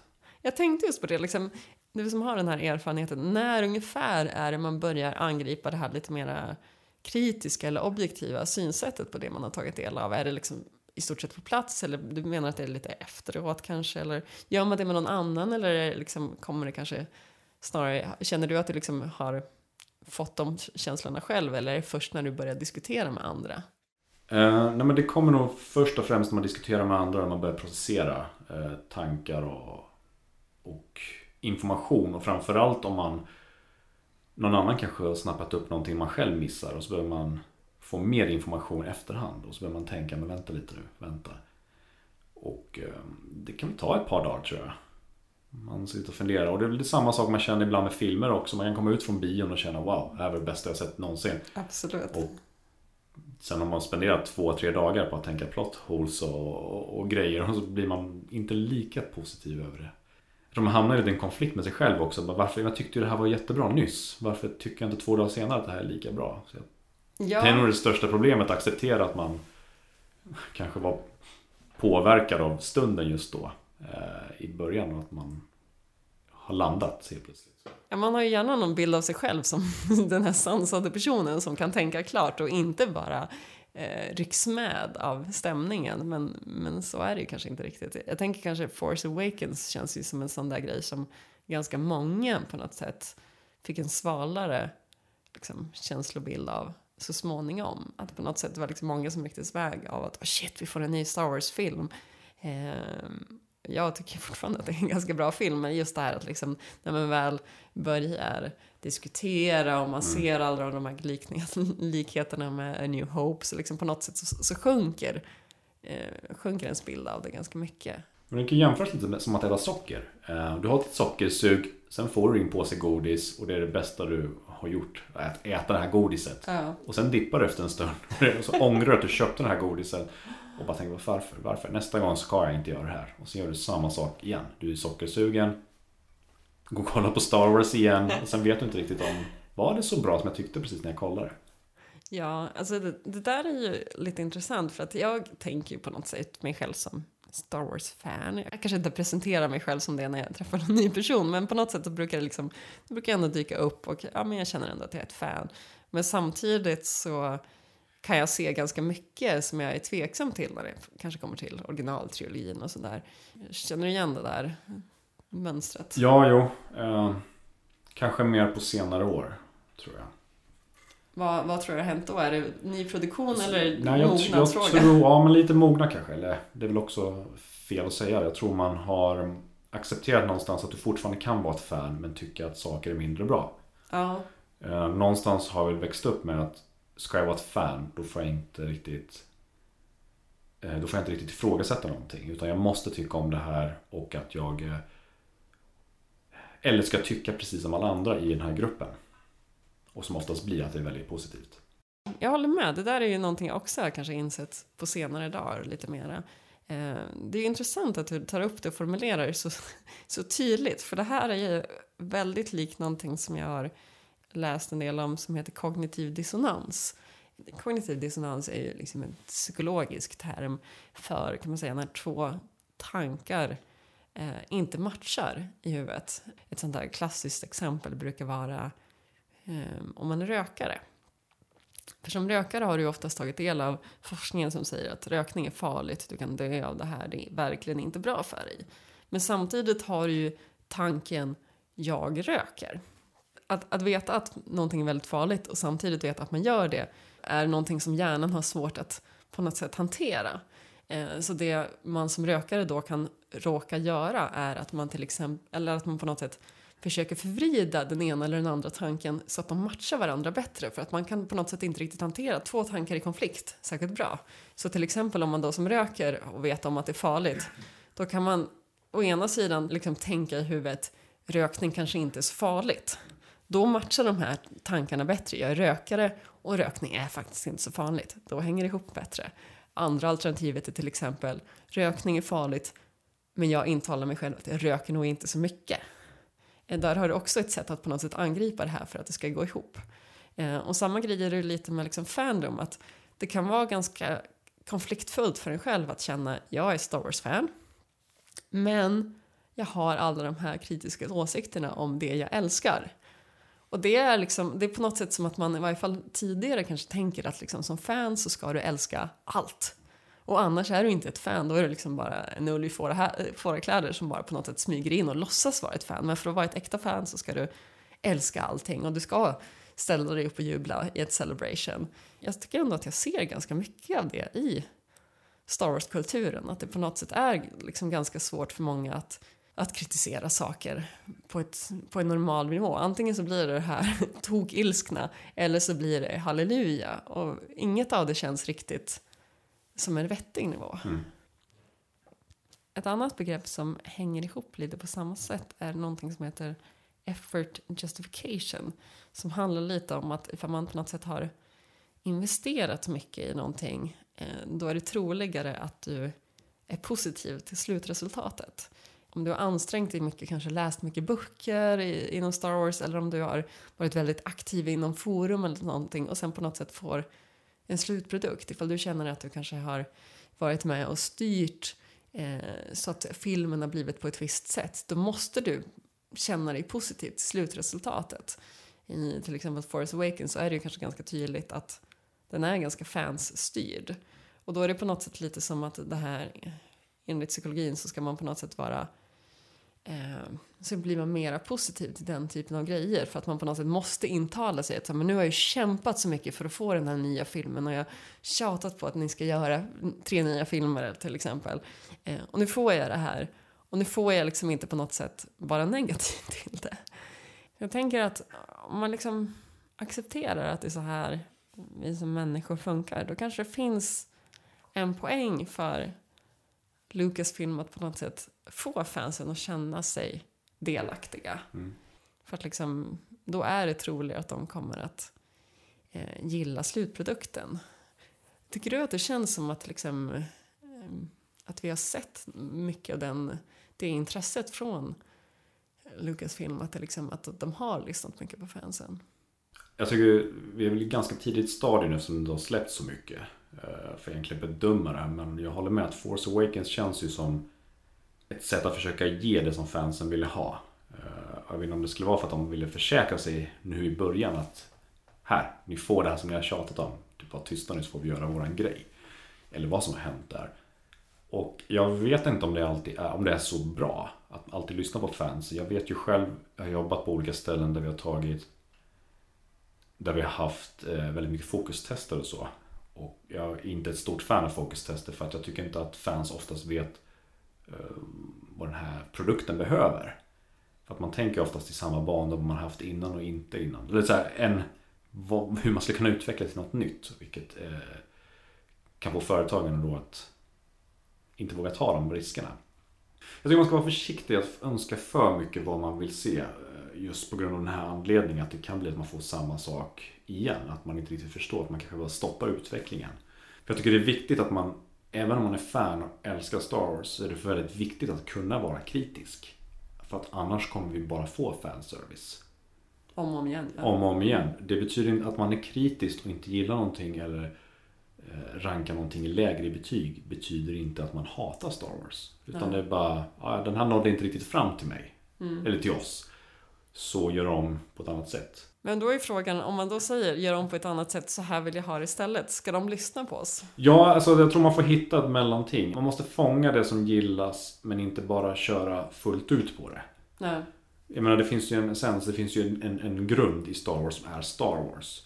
Det går ju inte till exempel bara byta Star Wars och göra det till James Bond-struktur. Det skulle bli en helt annan grej. Det kanske går, det vet jag inte, men det är ju en stor risk. Och som Tom of Force Awakens så känns det verkligen som de plockar ut topp 10 grejer från forum, vad folk ville ha och bara pusslar ihop det. Mm. Istället för att göra som Rogue One, hitta balansen. Att man fångar känslan, estetik och eh, roten. Och sen gör något helt annat, något mer våldsammare, mer gritty. Men den känns ju, jag tycker ju Rogue One känns mer Star Wars än Force Awakens. Just för att man fångar en kärna men man kör inte fa- fanservice fullt ut. Nej. Ja, men jag tror det är viktigt att våga vara kritisk också även om man gillar någonting. För att sagt, annars blir, kommer vi bli på, alltså vi kommer bli lurade tror jag. Vi kommer eh, lättköpta och de kommer kunna kränga vad som helst på oss. Ja, men lite så tycker jag det känns ibland. Jag minns ju den här hemska Force Fri- Friday som var innan Force Awakens, där det liksom var, var det så här, 24 timmar unboxing av diverse random leksaker. The Millennium Falcon, an old friend, not a hunk of junk. As you can see, action figures are included. det, det förväntades att vi skulle bli helt lyriska av det här. Mm. Och eh, lyckligtvis minns jag att det var inte en särskilt mycket hög tittarsiffra på det här. Så att det var väl ganska många som inte köpte det. Eh, Alltså risken finns ju om vi är positiva till de här att eh, de som producerar Star Wars på något sätt tror att vi är för simpla, för naiva. Och då blir, får vi kanske inte de riktigt bra historierna som vi, som vi vill utan det liksom, man tonar ner det, det blir liksom för mesigt och det kanske blir för en lite för bred publik till exempel. Så att vi ska inte köpa allting samtidigt om vad ska man säga, de, de riktigt inbitna fansen blir för gnälliga. Då finns det ju också risk för att eh, liksom Lucasfilm inte bryr sig om oss alls. Liksom. Jag tyckte att du kom in lite på det här och pratade om eh, fokusgrupper. Eh, jag lyssnade nyligen på Star Wars Oxygen där de pratar om temp music. Mm. Jag antar att du kanske känner till det här konceptet. Eh, när man klipper film, eh, då har man oftast inte ett färdigt soundtrack. Eh, så man behöver eh, lite bonusmusik att bara slänga in så att man ska liksom den som regisserar då ska kunna komma komma in till klipprummet till exempel och eh, få en känsla för hur den här scenen till slut blir. Problemet är ju bara det att den som sen ska ta, fatta beslut om hur väl ska klippas och hur musiken väl ska göras blir så inspirerad av den här tempmusiken, eh, äh, tempmusiken som man bara har slängt in lite på måfå att eh, kompositörerna sen ganska ofta får instruktionerna om att ja, men gör musiken ungefär som det här som jag redan har sett i min egen film. Problemet är ju bara det att den musiken som man då har lyssnat på det är ju liksom oftast liksom något soundtrack från någon annan film till exempel. Eh, vilket också har gjort att eh, filmmusik blir mer och mer lika varandra för att de på något sätt återanvänder samma koncept. Eh, och jag tänker just på det där att det är lite så här farligt på något sätt att ja, men att ge den, som- den som inte kan, i det här fallet kanske då regissören, kanske inte har känsla för musiken på det sättet utan liksom kanske har en lite för simpel bild av hur musik fungerar. Eh, men får lite för mycket makt. Och det är samma grej kanske lite med fokusgrupper oavsett om det är spel eller film. Att det, det blir lätt att man som åskådare eller den som tar del av det här eh, tror sig veta vad som funkar. Mm. För, man, för man har liksom en känslomässig relation till det. Men man har inte den, de tekniska kunskaperna för att faktiskt förstå vad det till slut resulterar i. Nej men absolut. Jag tror, jag tror man bygger väldigt mycket med att man kommer in med inställningen att man har en bild av hur saker ska vara redan från början och då utgår man det som en mall. Mm. Man ser något nytt och känner att ja, det här är inte lika bra som det jag är van vid eller någonting. Att jag tror man har, man kan lätt fastna i det där. Att man vill ha det på ett visst sätt och inte våga experimentera med något nytt. Du jobbar ju inte som det här oftast när du är, när du är en fan. Alltså, du har ju folk som är professionella som jobbar med alla de här bitarna. De, det är deras jobb att vara kreativa och komma fram till vad vi vill ha. Men att fråga fans direkt och ta vad fans vill ha direkt, det blir ju väldigt, jag tror det blir ju brist på bättre ord, alltså väldigt simpelt. Om man inte jobbar inom den här branschen eller är kreativ. Eftersom jag själv jobbar i ett kreativt yrke så brukar jag avskyr när folk kommer med lösningen till mig. Ja, just det. Jag verkligen avskyr det. Utan jag försöker uppmuntra folk. Kom med problemet. Så det är mitt jobb att komma på lösningen. För annars fastnar de vid sin egen lösning då. Precis, och då blir de inte De blir inte nöjda förrän du har fått fram någonting som är så nära som möjligt deras idé. Mm. Och det som sagt kan ju vara vilken återanvänd idé som helst som innan som de har sett. För de har ju referens hur de har upplevt någonting innan och då kommer de ju oftast med den som en lösning. Hej, kan du göra någonting som det här? Ja, just det. Medan jag som kanske jobbar professionellt med det här har typ tio gånger större referenslista i mitt huvud. Och jag kan Mm. komma på tio andra lösningar kanske. Eh, Men då har de siktat in sig på att Nej, men jag vill ha det på det här sättet för att det är det här jag känner mig bekväm med och vet sedan innan. Och jag tror lite det är samma sak just med Star Wars. Det att vi är vana hur Star Wars ska vara för att vi har, vi har grott in oss på hur materialet hittills är. Absolut. Så vi kan tänka utanför, hur kan vi expandera det här? Och problemet när vi kommer med lösningen, vi vill ha det så här och så här, vi vill ha en film som är så här.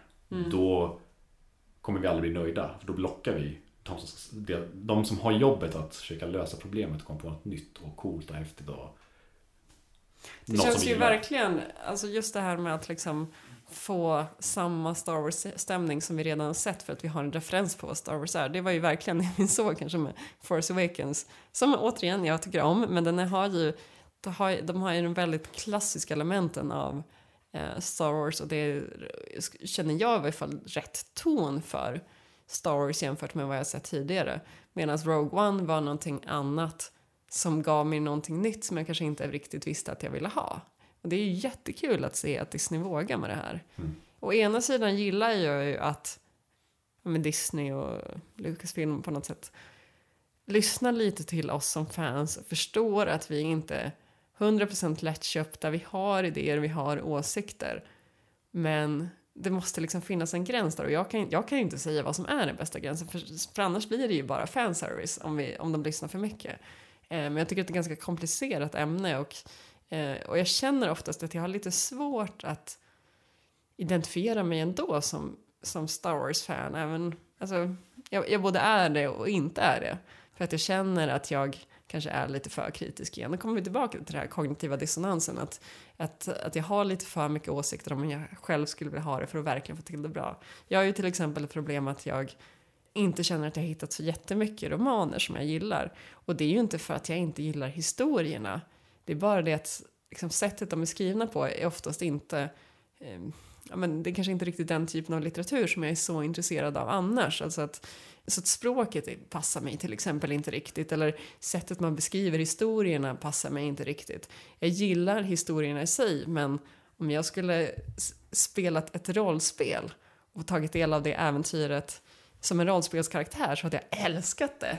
Men att bara läsa det med, ja att det liksom på något sätt inte alltid har matchat hur jag vill läsa en bok. Eller till exempel om jag tycker ibland att Star Wars-serier är fult gjorda till exempel. Att det kan störa mig så mycket så att jag inte vill ta del av det men då kan jag känna lite så här, men det här borde jag vilja gilla. Jag borde vilja gilla massa böcker, varför läser jag inte mer böcker? Eh, och så känner jag att jag liksom just har svårt att hitta, hitta mig själv i det hela. Att för jag ser Star Wars-fandomen lite utifrån, det, det är som att det förväntas att jag ska resa mig upp och klappa och nästan gråta Mm. av lycka för varje grej. Och då när jag inte gör det så får jag på något sätt liksom lite, eh, men en inre konflikt. Jag vet inte riktigt vem jag själv är i det hela. Jag känner igen det där och personligen kan jag dela upp det här i två, på två synsätt. Det här är interna förväntningen som du eh, förklarar nu tycker jag. hur jag väntas ses av andra fans. Att jag ska gå runt och hurra, annars är jag inte nöjd. Medan det finns gruppen som inte är fans. Som på något sätt har fått för sig att om jag är riktigt fan, då ska jag inte gilla prequel-trilogin. Ja, just det. Det är en helt annan sak, ett krav jag har på mig. Att jag är inte ett fan om jag gillar dem. Då är jag inte riktigt fan. Jag måste gilla original trilogy enbart. Eller mest i alla fall. Jag minns någon gång jag hade en keps där det som det stod Star Wars på. Jag brukar inte ha så mycket grejer som visar att jag är ett fan, men jag har fått den här kepsen. Och så är det liksom, liksom folk som möter mig som, är lite, som ser den där kepsen, kanske de gör någon, ah, snygg keps liksom. Och då är det som att de i första meningen de säger så här, men det är bara de gamla filmerna som gäller. Att det är på något sätt som att eh, det är vårt snabba hemliga tecken Mm. och sen kan vi gå vidare för att det är så självklart att jag ska hålla med och sen så, så är det liksom bara nästan som en hälsningsfras. Eller som att de vill bekräfta sin bild av att de tycker rätt. De är inte riktiga fans, men de vill kolla att riktiga fans faktiskt tycker som dem. Att kanske det är. sexan är rätt Mm. film att gilla. Ettan, tvåan, trean är inte rätt film. Och så länge jag får medhåll av ett fan som jag precis träffar och han tycker likadant, eller hon, så då är jag på rätt sätt. Ja, då kan jag just kolla det. Star Wars på rätt sätt och gilla Star Wars på rätt sätt. Det är lite så här blandat. Så det är kanske deras identitetsskapande jag ser. Ja. Så kan det nog Mycket vara. möjligt. Men det är kul för att man eh, börjar man diskutera det här och förklara varför man gillar grejer i nya filmerna. Då Mm. blir det väldigt Det blir väldigt lätt att de blir ställda eller upprepar samma fraser som man har hört av alla andra. Som att det är här genomgående checklista vad man ska säga när man diskuterar prequels. Ja, precis. Typ såhär, men Jar Jar då? Men, Precis, du måste men nämna Jar Jar. Anakin, Men att Anakin gick över så snabbt. Och, och det här och det här och det här. Men typ såhär, Ja. De har en checklista och det börjar bli lite för förutsägbart. Nej, men jag, jag minns just det där eh, vad som är ett äkta fan och inte. Jag var med i en liten, eh, vad säger man, tv-klipp. Jag var med på ett litet eh, Reportage. reportage eh, för en, kan man säga, en sajt som heter SVT Edit, eh, som är kopplad till SVT eh, härom året, eh, där jag hjälpte en kille att tolka filmerna kan man säga. Och jag minns då att jag på något sätt presenterades som Star Wars-experter för att det var liksom det, ja men det blir, det blir en enkel berättelse. Jag får också en intensivkurs med en av Sveriges främsta Star Wars-experter, Hanna Björklund.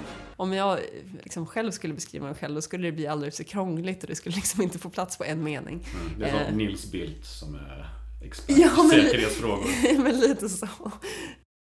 Och, och just att liksom producenten frågar, men har du någon bra anekdot om liksom så här när du såg Star Wars fem gånger i rad eller något sånt där. Och jag kände att jag liksom så här, men jag har inte så himla många bra anekdoter. Och så börjar man direkt bara, men är jag ett så bra fans? De kanske borde fråga någon annan. Får jag ens vara Det här? finns ett ord för det, imposter syndrome. Jaha. Ja, eh, väldigt vanligt i, i, yrken framförallt. Men det är när man sitter och känner jag passar inte in här för att det finns en förväntning på hur någonting ska vara. Så att man känner, även om man är kvalificerad så känner man själv att det här är bara en tidsfråga innan de inser att jag är, inte är på riktigt. Att jag, Ja. de kommer komma på mig och sparka ut mig härifrån. Det är ganska intressant. Men det, det låter som klassiskt imposter syndrome. Ja men verkligen. Ja, absolut. Jag visste inte att det fanns namn på det men det, det är precis så jag ganska ofta känner. Och jag, jag menar jag älskar ju fortfarande Star Wars. Det är bara det att jag inte älskar allt. Och jag inte är så intensivt insnöad som många förväntar sig att jag Mm. borde vara. Nej men jag, jag håller med. Jag, alltså för vanliga människor, om jag ska kategorisera dem, de som bara tittar på filmerna och inte lägger ner så mycket mer tid på Star Wars. För dem är ett Uber-fan. Mm. Eh, Men för i Star Wars-communityn kan jag känna många gånger att det kommer in folk och börjar diskutera med mig, alltså face to face på mässor, konvent och så. Och förväntar sig liksom att jag ska veta allting. De Mm. börjar prata, det är inte så att de frågar eh, vad tycker du om det här och det här utan de går rakt på sak. Ja men du vet den här personen som syns två sekunder i, längst bak där. Vad anser du om den här personens eh, lightsaber design som aldrig syns Mm. förutom på det här stället? Och man blir, ja, ja. Då känner jag mig lite så här. Mm. Va? Men, va?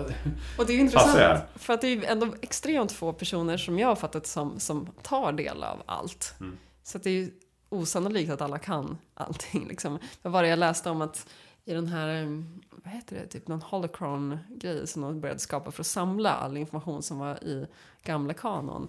Mm. Eh, då hade de 50 000 eh, entries. Eh, det är Ja. en del.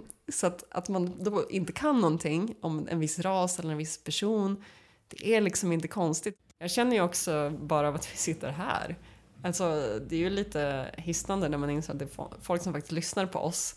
Eh, Vi måste upprätthålla den här rollen av någon, någon slags Star Wars-expert. Mm. Bara, bara för att vi har en podd. Eh, vilket egentligen nästan blir absurt när vi tänker på att den här podden mer handlar om att diskutera nästan allting som inte är Star Wars i stort sett. Nej men så blir det ju. Jag vet ju nu när, när Carrie Fisher dog. Ja. Jag läste nyheten och fem minuter senare så ringde media till mig och ville ha med mig i, i diverse pratshower. Och det här Ja, var jag inte det. alls beredd på. Jag satt ju där, jaha, va? Varför det? För jag ser mig inte mer som ett mer fan än något annat. Alltså jag Nej. vet ju minst 10-20 pers runt mig som kan mer om det här. Mm, Men det absolut. blir ju en syn, alltså. Det finns ju en hierarki vid vilken typ av fan du är. Så fort du är ute och gör någon form av media, alltså typ en podd eller skriver en, för en sajt eller någonting, då förväntas du veta mest. Känns som. Absolut. Tänkte vi kunde ta, gå in på ett ämne som både på något sätt är lite störigt men också kan vara ganska roligt, nämligen plot holes. Eh, för det är en sån här typisk grej som i alla fall jag kan tycka är rätt kul att sitta och diskutera. Och det behöver inte alltid vara på en så seriös nivå. Eh, jag kände nu när Rogue One kommer att, alltså jag minns när jag såg trailern när man fick se Gillian Erso för första gången och jag kände så här: yes, nu har de äntligen svarat på varför Death Star är eh, så otroligt konstigt byggt. Eh, och jag blev väldigt glad att jag hade rätt i den tanken, för det var det enda jag kände när jag såg den där trailern och, och det höll i sig hela vägen och jag är jätteglad att de la in det. För det är ju en sån klassisk dis- diskuterad plot hole. Hur kan dödsstjärnan vara så korkat byggd att man bara kan skjuta på ett ställe så sprängs hela allting. Det är helt osannolikt. Och nu fick vi ett svar på det här. Även om det är en väldigt eh, efterkonstruerad lösning. Jo, oh ja, men så är det ju. Alltså jag vet ju många som också känner att liksom... Man En bra efterkonstruerad lösning vill jag bara tillägga. Ja, nej men, nej men det känns som att det är många som känner så här att ja, men vi måste bara köpa att George Lucas har inte haft så himla bra koll när han har gjort filmerna och att det är många som tycker att det är lite jobbigt när man försöker hitta lösningar på det här.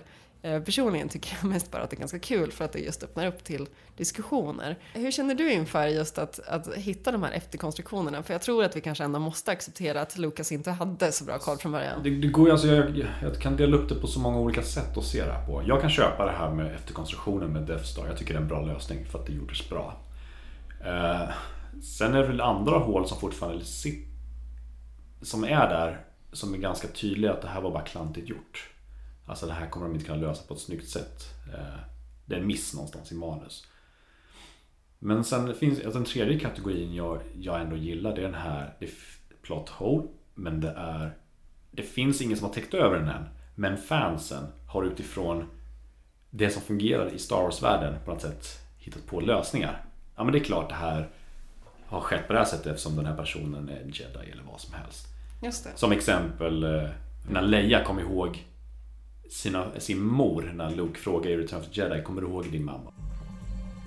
Luke, what's wrong? Leia, do you remember your mother? Your real mother? Just a little bit. She died when I was very young. What do you remember? Just images, really. Feelings. Tell me. She was very beautiful, kind, but sad. Vilket är väldigt omöjligt eftersom Leia var nyfödd och eh, Padme dog precis efter. Mm. Så har jag sett på ställen på nätet där fans täcker för det här hålet själva genom att förklara men hon är ju force sensitive. Det är klart hon på något sätt har fått en bild. Hon använder kraften omedvetet och får en bild av hur hennes mamma var för hon har den kopplingen till sin mamma. Eller något så här Mm. liknande. Vilket blir lite halvofficiellt. Så "Ja, ja men det köper vi. För vi vet ju alla att hon på något sätt är lite halv-jedi Ja, i och med släktskapet. Ja. Känner du att du köper den grejen? Ja, just det här, nej. Inte den. Men andra, eh, andra plot holes som har diskuterats kan jag ibland känna, ja men det finns en poäng. Även om jag känner så här, jag förstår att det här inte är lösningen, jag vet att det är ett plot hole för att det har gått, begått ett misstag någonstans. Så Mm. kan jag känna att jag kan acceptera det här bara för att gå vidare och lämna det här plot holen. Jag tänkte på samma tema lite grann som eh, det här med dödsstjärnan och den här thermal exhaust port som vi har där. Eh, så känns det som att det finns vid några andra tillfällen eh, stunder då man känner att saker görs på ett förkorkat sätt. Och att det borde vara, det, det matchar inte karaktären eller någon, an, någon borde ha kommit in och sagt det här är fel och sådär. En av de sakerna som jag funderade på lite är till exempel i Return of the Jedi. Palpatine släpper ritningarna för Dödsstjärnan 2. Det, det är ju till för att liksom, lura in rebellerna att komma och ta hela sin flotta och liksom döda eller spränga dödsstjärnan en gång för alla. Eh, så det finns ju liksom en bra tanke bakom det. Men det som stör mig, det är att de trots allt får de korrekta ritningarna. Mm. Och här har vi liksom Palpatine som genom hela prequels har gjort så otroligt mycket smarta vägval för att få den makt han har. Och sen så spelar han om det här eh, på ett sätt som jag upplever som slarvigt. Har, har du någon förklaring till det här? Nej, jag håller med. Det är väldigt dumt. Enda fanbaserade lösningen jag skulle kunna komma på om du ska bli en av de här som försöker komma på eh, en egen komma på ett eget sätt att täppa till plot hole. Det skulle ju vara helt enkelt vara att han är så säker på att vinna så att han bryr sig inte. En form av arrogans. Ja. Han är ju väldigt arrogant av sig och typ tycker att han är världsmäktig. Så varför inte köra på det fullt ut? Han är säker på att han kommer förgöra hela flottan. Så att han, han är inte rädd för att det kan gå som det går. Men ja, det är inte smart. Det skulle kunna vara ett sätt att liksom porträttera hans hybris eller arrogans. Till viss del så tycker jag att jag kan känna igen Palpatine i det hela. Men jag tycker ändå att han har varit lite för väl genomtänkt i tidigare filmer för att det riktigt ska hänga ihop. Det kan ju också vara så att liksom, ja, det vet jag, han börjar bli gammal, han har suttit på makten lite för länge, han kanske inte haft tillräckligt mycket motstånd. Det är i och för sig en ganska dålig, jag känner nu att det är en dålig förklaring för jag menar han har fortfarande nyligen fått den första dödsstjärnan sprängd så han borde vara lite mera på sin vakt. Det kan ju vara en äkthetsgrej också att han eh, vill försäkra sig om att de köpte det. Att det kändes så Ja. alltså, äkta som möjligt. Alltså att kanske inte gick att komma på en, en, en falsk på ett bra sätt. Då kanske de inte skulle tagit betet utan det här var något som var tydligt och kändes ja, men, in i kärnan och spräng den. Det var lite det jag också funderade på, liksom att det skulle bli för tydligt att det här var liksom fake news, det var Ja, typ. fake plans. Eh, Flyga in och skjuta sönder kafeterian typ. Det är så här, nej det känns inte rätt. Nej, precis. Men samtidigt känns det som att han borde ha kunnat ta hjälp av några ingenjörer som är så här, ja men gör det här, ge en möjlighet för dem att spränga. Men, men säg, säg liksom om de i stort sett skulle ha spegelvänt eh, liksom en del av dödsstjärneritningarna. Så att liksom, de tror att de ska in på ett visst ställe. Och de har liksom räknat ut att det här går, tar vi oss in här så kan vi spränga allting. Och så visar det sig att den här öppningen egentligen liksom på andra sidan dödsstjärnan. Tänk om det skulle liksom varit sånt. De går och letar där, de hittar ingenting. Eh, den, kanske, den öppningen finns då kanske fortfarande, men de fattar inte att den är på andra sidan eller tar för lång tid att leta eller liksom vad som helst. Alltså, bara, bara en sån grej, att det, det krävdes ju fortfarande att de på något sätt skulle tro att det fanns en möjlighet att spränga, men bara liksom tweaka det lite grann så att det hade gjort så mycket svårare. Ja, det finns ett annat alternativ. Det är att han kanske... Han ligger ju ändå bakom att de ska få tag i planen. Mm. Han vet ju inte vad planen är kanske. För honom kanske han, kanske bad dem plantera ut en, en falsk. Det Mm. kanske fanns en eh, liknande Galen-person som la ut den rätta. Mm. För att, eh, ja, för att han vet ju att rebellerna kommer få tag i den här. Då kan jag lika väl ge dem den rätta så att de har en chans att spränga skiten. Eller spränga dödsstjärnan.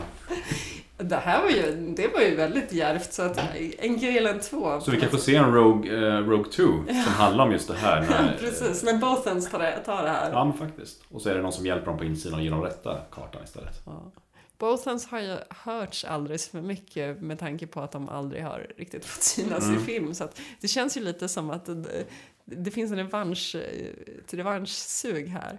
Eh, så, varför inte en Jag Rogue ska pitcha det till Disney. Ja, eller hur? Vi har någonting här. En annan sak lite på samma tema som jag ja, faktiskt nästan blir irriterad på. Det är att Luke göms hos sina släktingar och får namnet Skywalker. Och kanske även i samma veva där Obi-Wan Kenobi gömmer sig i närheten och döper förnamn och tänker att det är lugnt.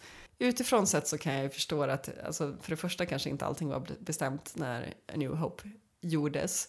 Eh, sen så känns det också som att det var liksom en förenkling av historien, det gör att fansen fattar direkt och så. Men liksom, hur svårt hade det varit om man nu vill lämna ett av barnen hos sina släktingar? Kunde inte de bara ha låtsats att han var deras egna barn? Alltså, var, var de så, så vad ska man säga, sociala på Tatooine att folk skulle reagerat på att nej men jag minns inte att Bru var gravid, det här kan inte vara ert riktiga barn. Utan det känns i varje fall som ett litet steg mot att i varje fall få det att se ut som att han inte är Anakin Skywalkers barn. Mm, ja, precis. Skywalker kanske är ett, eh, ett vanligt namn där, det vet vi inte. Eller? Ja, Med tanke på att jag menar, Anakin vet ju inte att han eh, fick barnen sen. De kunde lika väl ha dött med Amidala. Ja. Så att han kan ju tekniskt sett bara inte bryta sig om att han har barn tills han insåg senare i livet att oj, det här är mina barn. Eller mitt barn. precis. Det är väl lite så jag tänker att det kan vara att det på något sätt är det var antas att han inte ska leta efter sina barn Nej. för att han tror att de är döda. Ja, för säkerhets skull så skulle man kanske bytt namn. Tycker jag.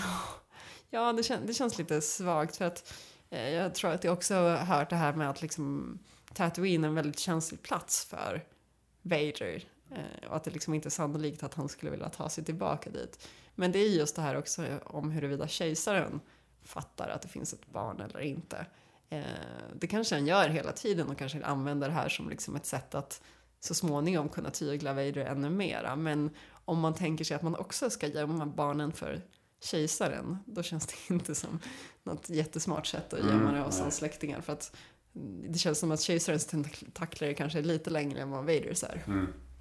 Då är frågan, är det George Lucas som är som inte är så bra? Eller är det, eller är det in, eller karaktärerna som inte är så smarta? Ja, precis. Jag vill ju sällan förklara det med Lucas eller att han inte hade tänkt till sig. Jag vill ju på något sätt ändå så här Nej. eh, fäna in mig på det här och på något sätt hitta en smart lösning. Leia är ju betydligt smartare känns det som. Ja, Och eh, Obi-Wan bor ju ändå i närheten och kanske liksom känner att han är en så bra livvakt till det här eller liksom har så bra Mm. koll så att han skulle kunna eh, ta Luke därifrån om någonting skulle börja hända. ja, det finns ju en risk med att han behåller Kenobi. Det kan, alltså, det kan, ju, kan ju lika väl vara att han vill på något sätt bli igenkänd ifall någon skulle behöva leta efter honom. Ja, för goda syften. Ja, att de fortfarande vet att Kenobi, det låter som en Kenobi vi visste Mm. förut, men vi går dit och chansar. Men det är fortfarande, alltså, det är lika stor risk då att Imperiet hittar honom. Så att, ja, jag köper inte riktigt. Det där är nog ganska illa plot hole faktiskt. Eller Ja. är det plot hole? Jag menar, det... Men det matchar inte riktigt deras egenskaper. Det är mest det jag känner Ja. är liksom plotthållet. Det är ju inte så att det är uppenbarligen i konflikt med en annan händelse. Det är bara det att det, det är liksom... Det är Ja, lite det- för korkat. Ja men det är sant. Jag kan nog tänka mig att tanken helt enkelt bara var att man inte ansåg att hela den här utrotningen av Jedi så, som sker i prequels var så utstuderat tidigare. Hur att det skulle vara så stor grej. Det kanske bara var en just sån liten grej att man tänkte väl då att Imperiet inte skulle söka efter kvarlevande Jedi så man inte brydde sig om dem. Mm. Eh, Men sen gjorde man prequels och då blev det en större grej. Då fick de en mer central roll. Visst.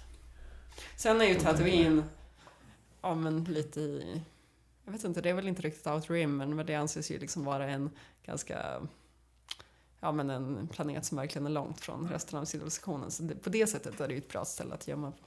Och jag kan ju också tänka mig, alltså Kenobi blir ansvarig för två barn. Det ena hittar han, alltså han, han kan gömma bort eh, Leia ganska enkelt. Det är möjligt att han hade kunnat ta båda två dit, men det, jag kan förstå lite poängen med att dela upp dem. Eh, men att Kenobi i sig skulle ta, ta sig an Luke, visst det skulle gett honom en möjlighet att träna upp honom som jedi. Men samtidigt kan jag tänka mig att de två tillsammans skulle ha mycket svårare att smälta in. Alltså eh, en man med en liten bebis som sen växer upp är ju någonting som folk kommer minnas betydligt mer än bara en ensam man. Ja. Så att någonstans hade behövt lämna dem och lämnar han dem hos Lukes enda släktingar så eh, är det ändå någon slags garanti för att han får växa upp tryggt. Mm. Och inte bli liksom slav som Anakin till exempel. Men, eh, ja... Mm, jag- Gör de ju rätt. ja, lite så. Fast det är just det de inte ska göra då. Det är sant. Men, eh, men på tal om Obi-Wan så är Obi-Wan full av lögner. Mhm. Eller är det lögner eller plot holes? Är frågan. Eh, Han säger ju ganska klart och tydligt. Your father wanted you to have this when you were old enough. Mm. Och det vet vi ju inte är sant. Ja, det här är lightsabern som Obi-Wan tar, antar jag, på Mustafar, eller? Efter att ha lemlästat Lukes far och lämnat honom att brinna upp. Men i den här diskussionen, eller i den här brinnande kroppen, så kanske det kom ut ett Ge det här till min förstfödda son. Ja, precis. Nej, men det stämmer. Det, det här är ju helt obegripligt. Vad skulle du känna är förklaringen till det här? Alltså, jag tycker det är ganska sterilt att tänka att allt man säger är vad man menar. Jag Mm. försöker ta det ett, ett steg djupare ner och tänka att eh, Obi-Wan vill inte smutskasta eh, Lukes pappa. Alltså, du får veta mer om din pappa första gången och det första du får höra är att han är skithög. Typ. Det. Det funkar ju inte riktigt känner jag. Om man, om man vill typ få honom med på äventyr sen också. Då kanske man vill på något sätt måla upp en bild av Anakin som en lite mer hyvens kille. Så jag tror, alltså jag, jag tar inte det som ett plot hole längre. Eller jag vet inte om jag någonsin har gjort det. Jag tar det mer som att eh, Obi-Wan bara förvränger lite på sanningen för att Ja, för att han vill måla upp en bild av hur Anakin var och försöka med, locka med Luke i, ja, eh, bli en jedi. Jag känner nog lite samma. Alltså dels att liksom inte göra Luke för upprörd i sig utan liksom, ja, men, få honom lite taggad på det här och se det som ett äventyr. Det andra tänker jag är att han nog är, kanske redan det här har börjat tänka att nu ska jag träna upp Luke till att bli jedi. Vet han om redan från början att hans far blir en sith så blir det nog en omedveten påverkan som kanske för honom mot den mörka sidan. Alltså jag menar, han kommer ju ändå tränas upp i det farliga med det mörka men att liksom på något sätt redan här få honom att börja tänka att det liksom på något sätt ligger i hans gener att, att, att bli Sith, det kan ju vara jättefarligt. Ja, alltså det tog ju ändå inte ända till prequels-perioden tills man insåg att det inte stämde överens. Jag menar, redan i, i Return of the Jedi så får man ju veta att han ljög om hans pappa. När Mm. Luke konfronterar honom. Så redan i, pre, eller i eh, original-trilogin så har man ju redan bäddat upp det för att eh, Obi-Wan inte var helt ärlig om hans far. Så att, Just det. jag vet inte, jag tycker att det, det går, ingår i samma kategori att han faktiskt målar upp en bild av Anakin som en schysst kille. Bara för att ja, inte behöva snacka skit om honom helt enkelt. Mm. Så jag tycker inte det är ett plot hole, jag tycker bara det är ett, ett sätt att manipulera eller bara helt enkelt Eller bara berätta om de bra dragen också Han berättar ju om Anakin som bra pilot och allt möjligt och det stämmer ju Han bara undanhåller de dåliga sidorna Ja, är det någon som har sett de positiva sidorna hos Anakin så är det ju just Obi-Wan. Mm. Så att på det sättet så hänger det ihop ganska bra också. Det känns ju inte som en diabolisk lögn utan det känns ju som att han på ett sätt till och med menar det Mm. med hela sitt hjärta och sen dessutom har någon slags dold agenda kring vad han vill med Luke. Ja, nej, men jag, jag klubbar för att han helt enkelt ljuger för honom För man vill inte bara säga hej Jag tog den här och gav den till dig efter att jag har dödat din pappa med den Typ, eller, eller med min lightsaber Det skulle inte riktigt funka tror jag Nej. Dålig stämning. fanns ju lite andra grejer. Ehm, Att Obi-Wan låtsas som att han inte känner igen R2 i New Hope till exempel. Och vi vet ju att folk har reagerat på också. Just det. Vad tänker vi kring det? Jag känner att det kanske är lite samma spår. Alltså jag tror att Obi-Wan fattar väl att R2 har blivit minneswipad. Vilket han väl blir ett antal omgångar känns det som genom de här filmerna. Det är ju lite svårt att hänga med riktigt för att R2 och C3PO liksom skiftar ju ägare lite och känns alltid som att de är lite lost ungefär. R2 är kompetent men han verkar liksom inte alltid veta vad som försiggår. Så att han har nog blivit av med sitt minne ett antal gånger och det utgår jag från att Obi-Wan fattar. Och jag tänker att det här ändå hänger ihop lite i samma grej. Att, att han förstår att oj, det här, nu börjar det hända saker. Det är Mm. egentligen helt orimligt varför R2 skulle dyka upp tillsammans med Luke. Men om man som jedi kanske då tror på kraften och hur allting hänger ihop så kanske man ändå känner att så här, ja det här var ju otippat att de här två fick kontakt. Men det kanske betyder någonting, liksom på något sätt har de här hittat varandra. Jag måste kanske följa upp och se vad det här leder mig. Eh, men skulle han börja dra det direkt för Luke som är liksom en okänd bondpojke, jag menar inte okänd som i att han inte vet vad man är, men liksom, han- han vet ju inte hur Luke skulle reagera. Eh, det, det finns ju en poäng med att liksom, ja, försöka vara lite mer neutral till det hela. Men å andra sidan så det finns en detalj som folk verkar glömma och det är att Obi-Wan hittar ju på direkten hur man aktiverar hologrammet på R2. Ja, just det. Och lite skämtsamt bara, ja det ser ut som jag hittade det. Han visste exakt vad han skulle trycka så att han är ju bekant med, Ja. om inte enheten i alla fall med den här droiden. Ja. Det är ju en förklaring att han egentligen känner igen Mm. honom men bara håller sig lugn om det. Och så bara råkar ja jag hittade det, måste igång, sätt dig pojk. Typ, ska vi titta på det här? Han pratar ju också lite som att han är en lite så här gaggig gubbe. Så här, oj, oj, Ja, nej, precis. Jag kan ju inte det här med teknik, men oj, titta, den verkar Exakt. Jag tror det är lite så här spel. Ja. Nej, men det känns som att eh, även om det kanske inte var det som var tänkt just då så kan man absolut förklara det som att Obi-Wan har en eh, fattar vad som pågår och, eh, men han har, ingen, han har ingen riktig anledning till att berätta allting. Nej men jag tycker man missbedömer hans karaktär ganska ofta för att men det här är ändå en person som gömmer sig på en sandplanet och har bytt förnamn i alla fall. Och det känns som att man jag vet inte varför, det är som att man förnekar att han skulle sitta och ljuga, hitta på och försöka spela en roll. Han, Mm. han döljer ju lite själv att han är en jedi. Det får man inte veta egentligen förrän han... Alltså Luke får ju veta men det är ju inte förrän först han, i baren som han hugger av en arm och sen bara whoop, så gör man, sig själv, gör man igen att han är en jedi. Han Just håller det hemligt men han är ju fortfarande i sin roll att han inte är en jedi. Han, han är en annan. Så jag har svårt att se hur man kan egentligen missa att han, har, han spelar en roll. Han Mm. låtsas inte veta så mycket, att han flyter med och är lite försiktig. Han har ju ändå överlevt liksom hela Jedi Purge. Alla hans Ja. vänner eller liksom medlemmar i Jedi-orden har ju förföljts och dödats. Så han är ju, han och Yoda är ju de enda kvar. Så att på något sätt så måste han ju vara otroligt rutinerad när det Mm. gäller det här. Nej, jag köper inte det som plot hole. Jag, bara, jag köper det som att det är hans roll. Mm. Uh, Det är ju mer lögner än att det är misstag tror jag. Och den sista Obi-Wan-lögnen, det är ju Mm. att han påstår att det var Yoda som tränade honom. Att han var hans master. Ja, folk reagerar på. Det jag direkt får en bild av det är när vi får se Obi-Wan fråga Yoda om Camino och han går in till en skolsal med Yoda och en massa younglings.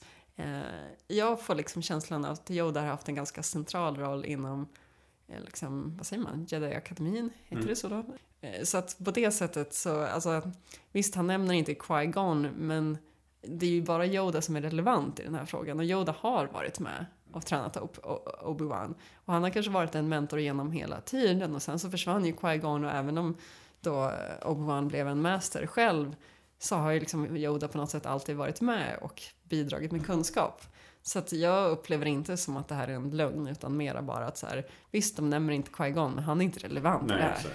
Och Yoda har varit med och han har antagligen varit med just och tränat upp honom som liten. Eh, Så det är väl lite så jag ser det. För mig har inte det skavt så jättemycket. Jag tror inte att jag tänkte att Yoda nödvändigtvis behövde vara hans master när han själv var padawan.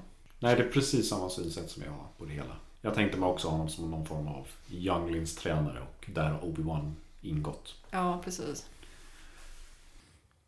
En sista som jag kom på, det var efter att vi såg Rogue One. Och det är det här med att vi ser precis i slutet av Rogue One att Leia får ritningarna och flyr iväg med TAM TV4. Och det allra första som händer i A No Hope är ju att Vader boardar eh, det här skeppet och eh, liksom tar då eh, Leia till fånga och hon säger I don't know what you're talking about. I'm a member of the Imperial Senate on a diplomatic mission to Alderaan. När jag såg Rogue One så fick jag lite känsla av att det här sker nästan omedelbart innan A New Hope.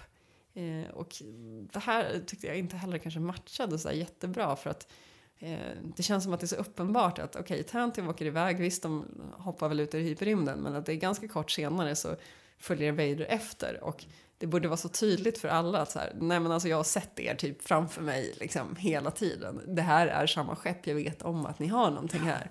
Eh, och ändå så drar hon till med den här lögnen som borde vara så uppenbart falsk. Ja, fast han reagerade väl ganska snabbt och kallade henne för lugnare och förrädare. Det är verkligen som att, varför försöker du ens? Och typ, take her away. Ja, det är ju precis sant. Så det är inte så att han sitter där hmm, och funderar på, är det sant eller inte? Utan typ, hon hinner ju knappt andas efter sin mening förrän han typ Nej, jag känner nog kanske mer att det är från Leias sida. Jag känner att det är Ja. ja. plot hole. Det kanske bara var en paniklugn. Jag menar, Ja. de var båda att de har skjutit halva besättningen där. Och hon försöker på något sätt dra diplomatkortet. Ja, jag vet att jag körde bilen och körde på de här fotgängarna. Men jag är diplomat från det här Hoppas landet. att det är någon som skriver ner så här, de officiella, eh, som är, någon stenograf som sitter och skriver ner det här så att hon har det på papper också. Att så här, de här har minsann tagit en diplomat i Mm. fånga liksom. Eh, ja men eh, det kan det nog vara kanske att det just är, hon kanske egentligen får panik men chansar lite, hoppas att det finns någon liten, Ja, det litet kanske, hopp där. Men... kanske funkar bättre än att säga. Vi var på genomresan när ni krigade ovanför Scarif. Och, ja, och sen bara skulle vi åka förbi och ni jagade oss. Ja. För jag, tycker, jag tycker egentligen att den kopplingen mellan Rogue One och A New Hope var väldigt snygg. Jag var inte beredd på Ja. att det skulle vara sådär bara några minuters skillnad i stort sett. Men, men, men det gjorde att det blir lite konstigt. A New Hope-starten blir lite konstig. Men om man tänker så här, om du tänker att Rogue One inte fanns. Du visste inget om Rogue One, det finns inte. Och du bara tänker endast Episod 4 funkar. Hur, hur tänker du det då? Vad hände innan crawlen? För men de blir ändå jagade första och hon drar den meningen ändå. Alltså, de blir ju skjuter ju fram och tillbaka till varandra. Hon drar ju ändå Jag är diplomat. Men Mm. de sköt ju på varandra från båda hållen. Alltså, alltså utan One så känns ju redan den scenen väldigt krystad och väldigt konstig i så fall. Om hon säger att hon är diplomat men ändå flyr. Ja, det är sant i och för sig. Att de, att de skjuter tillbaka när de också är diplomater. De borde ju rent politiskt kanske bara acceptera att bli bordade och sen säga så här, men vi har rätten på vår sida. Ja, det känns ju som konflikten finns ju där utan Rogue One. Det är ju någonting som har hänt innan. Det är ju väldigt Ja. tydligt. Och alla vet om det. Ja, så redan där känns ju hennes line antingen fel eller att den eller en uppenbar paniklugn. Att Ja, precis. vet inte annars vad hon ska säga. Hon måste ju presentera sig på något sätt och försöka dra diplomatkortet. Det är sant att hon kanske redan med A New Hope så är det tydligt att det är så extremt desperat att det, är, om det omöjligt kan vara sant och att alla vet om det. Jag kanske inte ska känna mig så tveksam till. Nej. Ja men vad skönt, det känns som att vi börjar reda ut lite de här plotthålsen. Jag tycker ju att det är kul att prata om det men det är samtidigt också lite skönt att få ordning på vad man känner och att man inser att det kanske inte är så många av dem som är äkta plotholes. Nej, och framförallt jag ser det som en utmaning att försöka täppa till dem. Ja. Jag vet inte hur, hur du är, men jag, jag känner så här, när någon presenterar plot hole för mig, då är det inte så att jag direkt bara, ja du har rätt, utan jag känner, hmm, nu måste jag hitta en förklaring. Och då är jag en av de här fansen som jag berättade om som försöker komma på, men hur funkar världen? Hur funkar den här typen av person? Eh, Kraften och allt möjligt. Jag kan komma på och försöka täppa till så logiskt som möjligt. Ja. Även om det inte är officiellt så är det så här, men nu är det officiellt i min värld. Tills någon kommer och säger något annat Ja. officiellt. Precis. Så, men det är lite rolig utmaning att försöka täppa till hålen. Det känns ändå som att vi avslutar ganska positivt. Alltså att, visst, det kanske inte alltid känns klockrent jämt, men man får vara fans på lite olika sätt. Man får tolka saker på lite olika sätt. Vi pratat om Legends och Canon och ja, plot holes också för den delen. Eh, Det är liksom okej, man behöver inte vara tveksam i sin roll heller. Utan vi är fans på våra egna sätt. Tack så jättemycket för att ni lyssnar. Ha det bra. Hej då! Hej då!